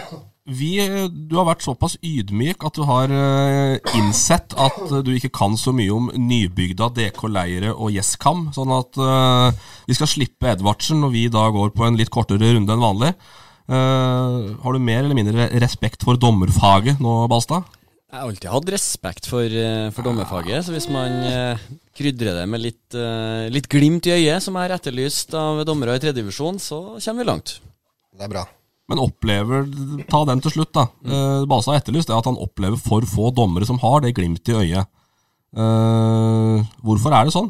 Nei, så, Som jeg sier, eh, for min egen del som spiller, så har du dem eh, Altså jeg mener en dommer, du vinner mye mer respekt hvis du, ja, hvis du er på, på kommunikasjonsnivå som spillerne da, og er med på, på bølgelengde. Da, da er det lettere å akseptere en feil. Sånn som når du sier altså, 'ikke heng deg opp i det kastet, gå videre'. Altså, litt sånne ting. da. Det er for mange dommere som mangler det. Ja, og Det henger nok sammen med erfaring og trygghet. Så enkelt. Nei, altså noen uh, tror jo at Altså Ref sånn jeg opptrådte i 2008 og 2009, det er nok noen sånne òg. Litt sånne primadonna-nykker som tror man er i verden fordi man har en fløyte, liksom. Det må jo bort. Ja. Det er jo ingen i fotballformelen tjent med. Men så er det jo noen spillere som liksom etterlyser Glimtøy etter å ha blitt solgt ut som dommer òg, da. Så det er uh, litt sammensatt, det også. Men uh, det er klart at Se på Per Ivar Stabar, da. Blir kåra til årets dommer i tre-fire år på rad av spillerne. Fordi han var så godt likt. Han gjorde mye feil, altså. Han gjorde mye riktig òg, men han kom seg unna med det fordi han var så godt likt. Men jeg synes Staberg Jeg har hatt den bare i én kamp. Jeg syns det ble litt eh, Han var kaller for jovial igjen. Jeg syns Ja. det, var, det var too much, altså. Ja, ja. Det, ja. Ja, nei, jeg kan forstå det. ja. Det var for mye sjargong. Du skal, skal spille kampen nå. Ja. Nei, det må ikke bli too much, men jeg Standup-fest, da. Ja, det Ja, var som å sitte på latter ja, på første gang. Nei, må, Dommere må ha glimt i øyet, men man må ha det til rett tid. Og jeg tror at uh, desto mer erfaring og trygg du blir i rollen, desto enklere er det å glimte øyet. Hvis du kommer tilbake nå, hvilken dommer er du da? Da er jeg den dommeren som uh, jeg var i 20... Eller altså i perioden 2013 til 2017. Hvor jeg da mener at jeg klarte å Se bort fra det Åråsen-hysteriet. Men øh, jeg kommer til å dømme på samme måte som jeg alltid har gjort før, i henhold til det vi blir instruert til å gjøre. Og jeg vil jo selvfølgelig Jeg tror ikke det er med all respekt, da. Jeg har fått mange meldinger fra spillere i Eliteserien, jeg, altså. Både i år og i fjor. Som spør kommer du snart tilbake igjen. Håper vi ser deg igjen snart. Og det er faktisk fra enkelte spillere, navn ikke nevnt, som jeg aldri hadde trodd skulle sende meg de meldingene. Så jeg tror ikke noe Mitt inntrykk, da, det får andre enn meg svare på, men jeg har ikke noe inntrykk av at øh, jeg hata blant øh, spillere og trenere. På ingen måte. Nesten tvert imot. Svein Erik Edvardsen, hjertelig takk for at du kom til Elverum og ble med oss i pod. Tusen takk for at jeg fikk komme. Strålende. Lokalrunden. Det var Svein Erik Edvardsen. Har tatt uh, Det var langt, egentlig. Da, da, det, ble, Det var ble- jævla gøy. Ja, det ble langt. Det var veldig hyggelig. Vi prata mer enn Svein Skarpmo. Ja, han gjorde det. Eh, Nei, men det er bra. Det er interessant, og det, det er en del historier som jeg tipper folk har lest om i, i media. Nå får du litt sånn hans vinkling, og så det, det er interessant. Strålende. Vi går rett på fart. Der har Leif Nordli gått fra juniorlaget til Kammavel? Og til uh, toppserielaget til Fart. Ja, er ikke han tilknytta Vang også? Jo, det tror tror jeg. Ja. Han skal i hvert fall trene fart. Jeg hørte liksom noe sånn bøss i, i øret om det var på Otstadbanen, eller hvor jeg hørte det. Er det egentlig et steg opp?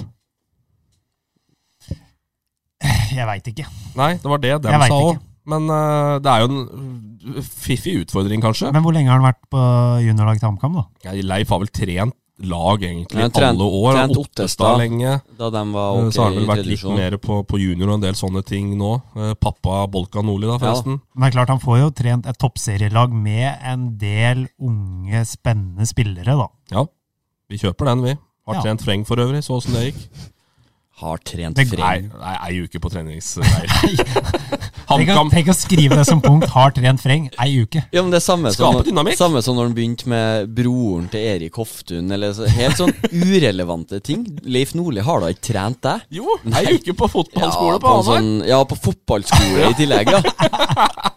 Nei, den får ikke du. Nei, jeg tar ikke den. Obos-ligaen. Eh, Det ble etterlyst eh, eh, Solbakken-skåring. Ja. Balstad mener han får litt mye oppmerksomhet nå. Nei, men han eh, Her skårer sønnen til Ståle med pappa på tribunen. Det er klart. Det, På VG, ja. På VG, ja. Det, Du klikka deg inn. Nei, jeg gjorde ikke det. Eh, Det hjelper, det. Ja. Ja. Du hadde ikke trodd han havna hvis det var Markus Frengstad han het? Nei, hadde vært, eh, hadde vært Markus Frengstad oppvokst i Ottestad, så, så tror jeg ikke den hadde kommet der. Men Far eh, trent av Leif Nordli! på fotballskole. Nei, det går ikke. Og fin scoring, da. Ja, meget fin scoring, Ja, men klarer ikke å klare, Ja, det var jo, han blir jo det, da, når de klarer å rote bort Det var vel en ledelse der, vel? De leda 1-0, så snudde Jerv til 2-1, så det var 2-2 utligning. Eh, verste jeg ser, er folk som skriver at eh, Markus Solbakken reduserte til 2-2. Mm, det går- det går ikke. Det går ikke. Nei, men ikke eh, han utligna til 2-2 og merga et poeng, så Men ett poeng hjemme mot Jerv, det er liksom ikke uh, det folk hadde verken håpa eller forventa. Det er litt altså. som vi sa tidligere her, at eh, Det er kamper man, eh, man må vinne om man skal være med i, i kvalikkjøret. I hvert fall nå som det har blitt litt sånn Det har blitt et skille der, da. Fra de seks øverste og ned Mm. til eh, HamKam og flere. Og de seira tar Kongsvinger. Kongsvinger, Kongsvinger er med. Ja, de er- vass. De, eh, Sandnes borte er av, av tradisjon ikke noe enkel, enkel kamp, så det, det er sterkt. Mm. Gyven holder koken, han altså. Og det er jævlig tett da bak Ålesund der, sånn at uh, Ja, er jo- Obos-ligaen lever. Ålesund er ganske suverene, og så skiller det vel to poeng mellom nummer to og nummer seks, da. Som Mm. er de laga som per dags dato i hvert fall kjemper om opprykk og kvalik. Men jeg, tror- jeg syns det virker som Obos i år har et, et tydeligere skille. Det var vel kanskje litt som Espen Olsen spådde òg, at det er et tydeligere skille mellom eh, topp og bunn. da, Eller fra kvalik og ned. Sant? Du har dem Tromsdalen og Notodden ser, ser svak ut. At det er, det er ikke én seier, så er du plutselig opp fra, fra sisteplass og, og nesten i kvalik. Det, det tror jeg blir verre i år. Mm. Raufoss er jo med da, i det kvalikkjøret. Vant vel 6-4 da, 6-4, tennissifre ja. over uh, Nesotra. Nei, tror Nei, Maigård, selvfølgelig. Tromsdalen. Maigård. Maigård, ja. Mikkel Maigård. Tier på børsen, tror jeg han Ja. fikk en eller annen stand. Ja, Ja. det er Fire goller der, ja. Fire goal, og hadde Bra. også et frispark i tverrliggeren, tror jeg. ja og en assist, tror jeg. Ja, Mm. Så tror ikke han opplever det- en sånn kamp på en god stund. I Obos, det er spesielt. Ja, Ja, det er Fire goller, faktisk. ja, Fra midtbanen. Det er bra. Uh, Elverum fotball. Ja, det ble ikke noe. Ble avlyst hele dritten. Det var veldig gøy. Da, det er- Nei, men det var fryktelig litt sånn Det var deilig å kjenne på litt sånn det var litt uh, gnisninger Ja, der, og litt, litt munnhuggeri, og Litt bjeffing. Klarvik sint, og Rune Larsen enda sintere. Hvor det da skal faktisk ha blitt nevnt da, fra eh, Sotra-delen av den uh, skvisen her at uh, Elverum fotball vil sikkert ikke spille klokka ni lørdag kveld, for da er det Champions League-finale. Så det er de sikkert ikke interessert i. For, for å ta det, da, Så så bruke skjønner det som argument. Men jeg skjønner, ok, Elverum har, har lagt opp løpet. De, drar, de dro halv åtte-åtte eller noe fra, fra Elverum på lørdagsmorgenen. Fly til Gardermoen, fly fra Gardermoen øh, og til Bergen. Kamp klokka fire. Så ble det kontramelding, du må dra tilbake, for de var så å si i Bergen. Øh, men I måtte- lufta, ja. I lufta, Yes. Men måtte fly tilbake. Og, og får ordna ting og tang. Og jeg, jeg skjønner Elverum godt, at ikke de vil spille kampen klokka ni på kvelden. Det er liksom Det er jeg helt Ja, men. Når du lander på Flesland, altså Fle Flesland faktisk, eh, ti timer etter at du har reist fra Elverum, så er du ikke klar til kamp om to timer da. Nei, det er akkurat det, og da skjønner jeg det argumentet med at Elverum mente at det eh, ble for eh, Det var ikke bra sportslig å å tilbyde seg å spille søndag, men da Sotra skal jo tross alt møte Mjølner på onsdag, så da passa ikke det for dem. Så jeg skjønner eh, Skal jeg si, jeg syns du kan spille søndag og også spille eh, onsdag. Eh, det mener jeg i dette tilfellet, men jeg skjønner begge klubbene. At de ikke klarte å, å bli enige om en løsning. Men jeg har ikke fått med meg De, havn, de kom seg til Bergen, Elverum? De kom seg De var i Bergen? Ja, de, Ja, de nei, fikk ikke landa i Bergen. Fordi Nei, første gangen, nei. Men dro de tilbake etterpå? Nei, Nei. fordi Nei. de ble ikke enige med Sotram Sotra når de så skulle det spille. forhandla de om på Gardermoen, da, etter de kom tilbake? Ja. Da Ok. sto eh, admin, admin, er det, administrerende leder, sjølutnevnt tittel til Rune Larsen, Ja. eh, sto og deala, så det Men der fulgte jeg Larsen, faktisk. Det var, synes det var helt riktig. Ja, Og, og så er det litt sånn, Hvis Sotra, så var så klar for å spille klokka ni, hvorfor, da, hvorfor kan du ikke da spille søndag klokka to? ja, nei, Selv om kampen en- er onsdag. altså Jeg ser den at det er Jo, kortere tid og sånn. ja, men altså igjen, ok, du spiller søndag eh, og onsdag. Hvis du spiller lørdag, øh, så forandrer Altså ja, du får jo noen timer mindre å, å restituere det der, men hvis du spiller Hvis du uansett har kamp onsdag, så forandrer ikke kamp lørdag til søndag Forandrer ikke treningsuka så mye. Det er ikke sånn at en Tommy Knarvik bare må legge en, en helt ny plan for syklusen frem til sommeren. Nei, det er det er ikke kan, kan, de kan i hvert fall ikke ta Elverum på at de ikke var klar til å spille den lørdag kveld. Nå blir det kamp i 11. september. 11. jeg. september, ja. ja. Mm. Så da, på en onsdag. Satt den ut der, ja. Mutter'n har bursdag. Bare sånn artig, artig fun fact. Så du, så du kan ikke se kampen, er det det du prøver å si? Jeg kan ikke komme i bursdagen til mutter'n, var det Sånn var det. jeg prøvde å si. Eh, Tredjedivisjon, eh, der har vi slakta Brumunddal i alle bauger og kanter, og så slår de C-lederen i, da. Men det var vel et svakere Ranheim 2 som Rent juniorlag, var det ikke det? Ja, og Asdalen har ferie, så det var Men det er gamet når det er Name of to the lag. game, det. Ja, når det er to lag. Kan ikke ta Brumunddal på det uansett. Det var viktig seier. Ja. Ja. Brumunddal med, med tre poeng. Nå Ja. er det Kolstad borte i, i parken på Kvitbyen neste. Den, den er viktig, den. Den er guffen. Uh, Sundet. Ja, Det ser mørkt ut nå, altså. Det ser mørkt ut nå, altså. Ett poeng over streken Mm. på laget som skulle bare snu om. I helga ble det tap mot Melhus. Melhus, Hva ja. er E Stoltbanen? Melhus, takk.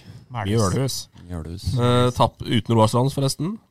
Ja. Men med Robert Stene. Robert, Stene og Edvard Ølstølen skåra to. Yes. Det gjorde han.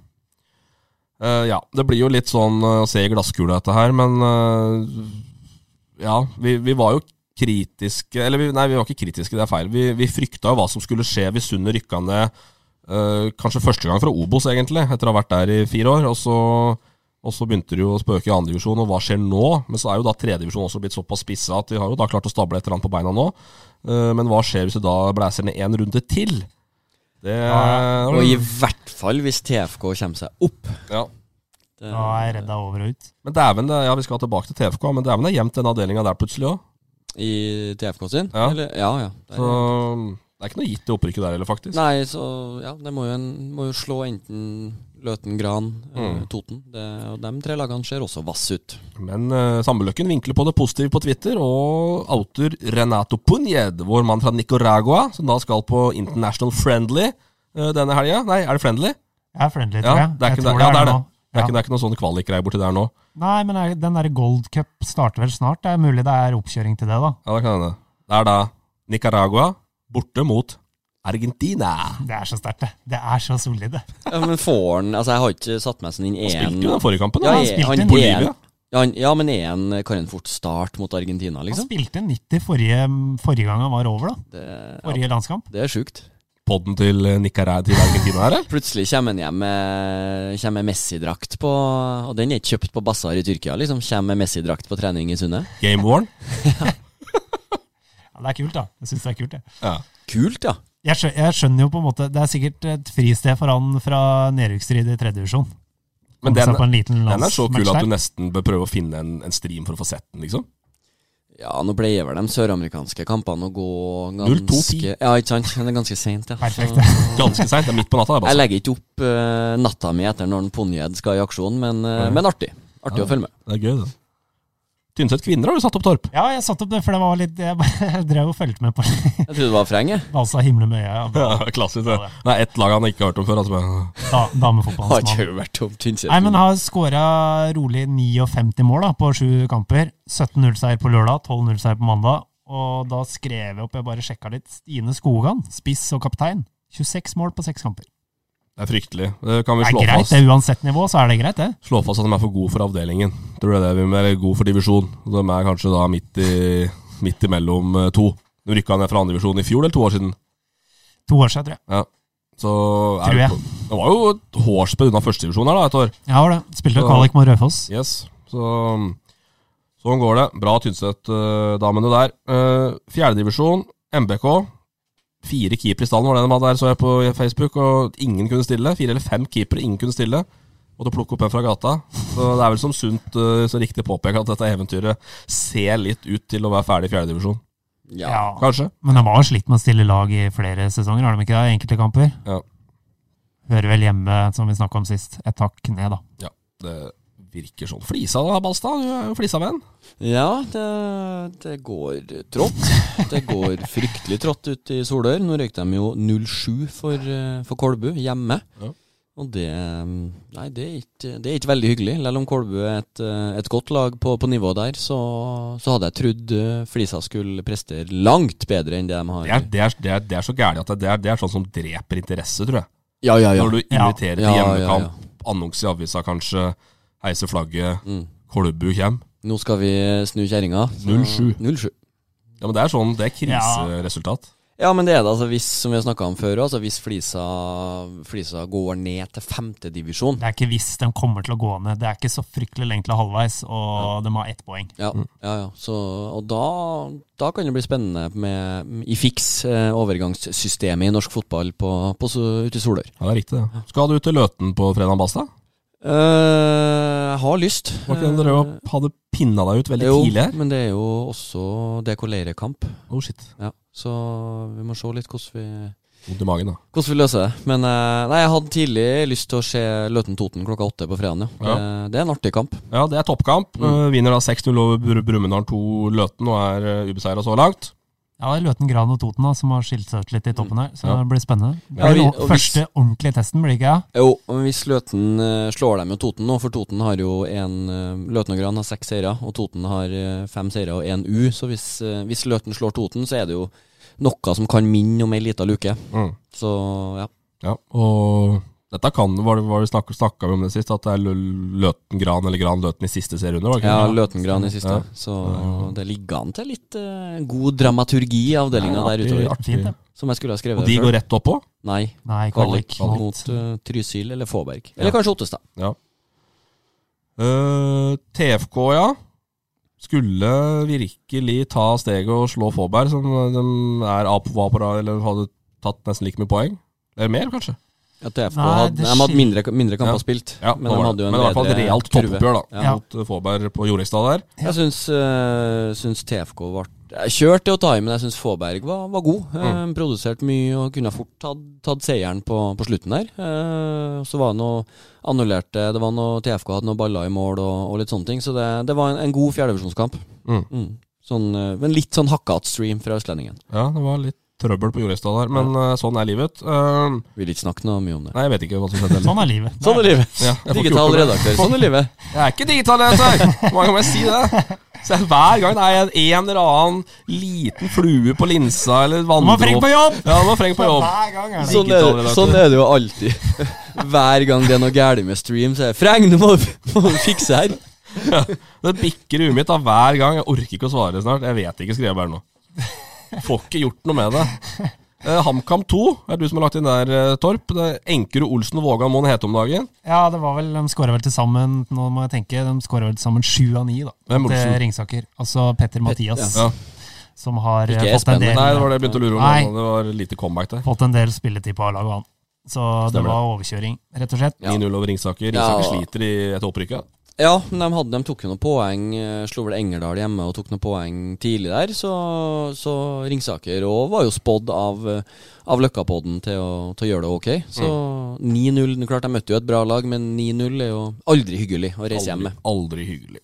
Uh, Ottestad er med, altså, som vi var innom så vidt her. Eh, jeg tror, jeg husker jeg ikke, jeg får ikke tatt opp tabellen, for PC-en har gått i svart. Men jeg tror det er, jeg tror det er 14, 15 og 16 poeng eller noe sånt eh, i, i toppen der. Ja, det de er to-tre poeng bak uh, Ja. TFK som Jeg tror leder, vel. Ottestad tar den, eh, den rollen vi egentlig meldte for Flisa. At de, de er i nærheten av toppen, men er, ikke helt gode nok til å, til å blande seg inn helt i striden. Nei, Men, men eh, det, Det er artig at de er såpass nærme, i hvert fall, og det gir, gir litt spenning til, til det som kommer utover. ja. To poeng bak Fåberg, ett bak TFK. TFK Ja. har én kamp til gode. Ja, det er akkurat det. Uh, Tynset vinner 5-0. Ja, Kjemper med opprykk. eh, det- Ja, det kjemper med opprykk. Ja, Trygg Lade og Tynset som har skilt seg ut. Ja, det er jo Mats Lund sin, eh, sin eh, Genialitet. Ja, altså det med at Unge talentene. Med at han uh, tok av press og Nei, vi blir i bånn i år, vi. Så er de i toppen. Genialt. Det er ikke, det er ikke vanskeligere enn det. du. Det er ikke vanskeligere. Litt mind games fra Lund. Nei, jeg så han, Smekk toppen. Jeg, jeg kom inn på høyrebekken mot Ottestad på Ottestadbanen der. eh, Du skrøt jo opp i skyene etter den der første kampen du så. Det er jo å ta i, men han uh, skrøt jo ikke opp i skyene. Uh, igjen på en litt sånn hakkete linse fra Østlendingen. Så, så, så Mats Lund så litt sånn uh, arrig, som vi sier i Trøndelag. Ja. Litt, uh, litt spennende og litt, hadde litt trøkk i seg. Ja, ja. De har ikke fått inn noe på lista på 50-årsjonen inne i Østland denne gangen her. Nei, men nå nærmer det seg snart andre omgang mellom JO og Elverum 2. Den spilles i, Verdens lengste pause. da. spilles i kveld. Ja. Gjør den det. Må- Måned pause. Og du ligger under 1-0. Jeg ligger under 1-0. Gjør du noen endringer, eller? Eh, ja, han ene har jo brukket armen, og han må vi bytte ut. Så får vi se. Jeg vet ikke åssen reglene er eller noen ting. jeg, På det der. Har ikke peiling. jeg. Nei. Så lenge det er fritt, det er vel fritt innbytte i femte, ikke det? Du kan bytte jo, inn og ut, jo, ja, for da kan du Da tror jeg det er bare å hente et nytt lag, for den saks skyld òg, til kampen. Da tror ikke jeg det er noe Elverum hadde vel tatt kontakt med kretsen, da, for de hadde tenkt å gjøre noen forandringer. Så jeg vet ikke hvem det er som da kommer inn. Jeg men frykter det verste. Plutselig så er det fort uh, A-lagsbenken. Flatgård, ja. Er Heggen i mål, i hvert fall. Ja. Får vi se. Nei da, men det er ikke noe mye nytt å melde fra din Nei, avdeling. det er ikke det. eh, Men Elverum 2 er veldig sterke, i hvert fall. Slo Ja. Kjellmyrød 7-1 her, og ja, ser meget solid ut. Vil ha dem oppe. Ja, og Elverum 2 Jeg tror hvis, hvis de vil, så rykker de opp. Ja. Mm. Så enkelt er det. Mm. Ja. Mm. Jeg har vært og sett på DK Leir, jeg. Du har det? Ja. Uten Balstad. Ja, jeg sto over, sto over sist. Vraket? Uh, nei, jeg var Men jeg var, jeg var litt uh, Jeg hadde vært på Spist noe dårlig reker sånn, vet noe dårlige reker. Noe, Ja. På den sagnomsuste turen i Og det er jo litt fint i sjette divisjon at Det er en eh, ærlig sak. Men guttene klarte seg da veldig bra uten sine store stjerne. Og- Rødnes tenker du på? Ja. Han, tenkte, var- han var heller ikke med. jeg tenkte jeg skulle si det med det Kristiansand-greiene. Apropos uh, Edvardsen, som var høy på seg sjøl. Ja. ja. Vi er jo flere som er der. Ja, Men- var det du da si- tjent i går? Tjent inn i går? Nei, Jeg orker- ikke. Det er ikke å snakke høyt. Men, men sånn er det. I, litt større mediekonsern, eh, Freng, så, så sitter Det er sant. peng, pengene sitter Det er ikke sant. Ikke hakka linje der, nei. Men jeg satt uh, jeg, Uansett, da. Kan si hva vil om DK Leire, men, men øh, det å ikke bli Altså klare å demme opp for, en, for tross alt en gjeng med unggutter som, som, som løper mer enn de øh, litt aldrende guttene på DK det var ganske sterkt øh, resultat, tross alt. Veldig sterkt resultat, og de var jo ærlige på at de øh, ble, hang litt i tauene der. At, Du trodde jo ikke på meg når jeg sendte deg melding om resultatet. Nei, jeg trodde, jeg trodde Brumunddal 3 I hvert fall sånn med Det var litt tynn stall den dagen, og at, at Leire kunne få med seg noe. Det, det trodde jeg, men jeg trodde ikke de skulle le. Jeg trodde de kunne, kunne øh, male dem litt i, i senk og komme utover. Men det er veldig sterkt. Sterk seier. Så, så nå øh, Leire ser vass ut. To, spill, to skåringer med spill nummer sju. Dag Hagen. Ja, Dag, Dag har vært god. Sånn helt, sånn helt ærlig, hvis du hadde vært med til Brumunddal, hadde du da tenkt eh, noe annet om matchen? Hva mener du? At eh, ja, du trodde det skulle bli tøft nå, hvis du hadde vært med? Nei, altså Nei. Nei, men Balstad har fått skryt, da, for han, ryktene sier at du åpner var jævlig dårlig. Og så har du fått skryt den forrige kampen du spilte. Hørte Ja. du var jævlig god. ja, altså, Jo, men det er jo i, i Skru på bryteren. Jo, men som jeg sier, å være, å være back i sjette divisjon når du vinner 16-0, det er ikke så forbanna lett å briljere da. da. Du rekker jo ikke å, å komme på overlepp en gang da, før ballen sitter i mål. Ja. Og så vinner da Nybygda 6-1 over stakkars Gjesskam. Leda 6-0 Ja. etter en halvtime. Ja, det er det jeg skal si. Fantastiske første 30 hvor vi leder 6-0. Før kreftene tar slutt og lysten på burger blir for stor. Ja, nybygda. Taper siste timen 1-0. gjeng. Åssen går det an? Ja, men jeg satt jo Den uh, Ringsaker Blad var det vel sendte jo den, så den Ja, ja. lå jo ut på direktesport. Så jeg hadde av mangel Det sto liksom mellom eh, Porsche og Flekkerøy, da. Jeg så, så en del på den òg. Så så jeg på, på nybygda Gjesskam der, og dere Gjesskam Fy a meg, for et lag! Altså, det Nei, Det er det dårligste jeg har sett, tror jeg. Ja, men Hvordan klarer du å vinne første 30 6-0, og, så- og så ender det 6-1?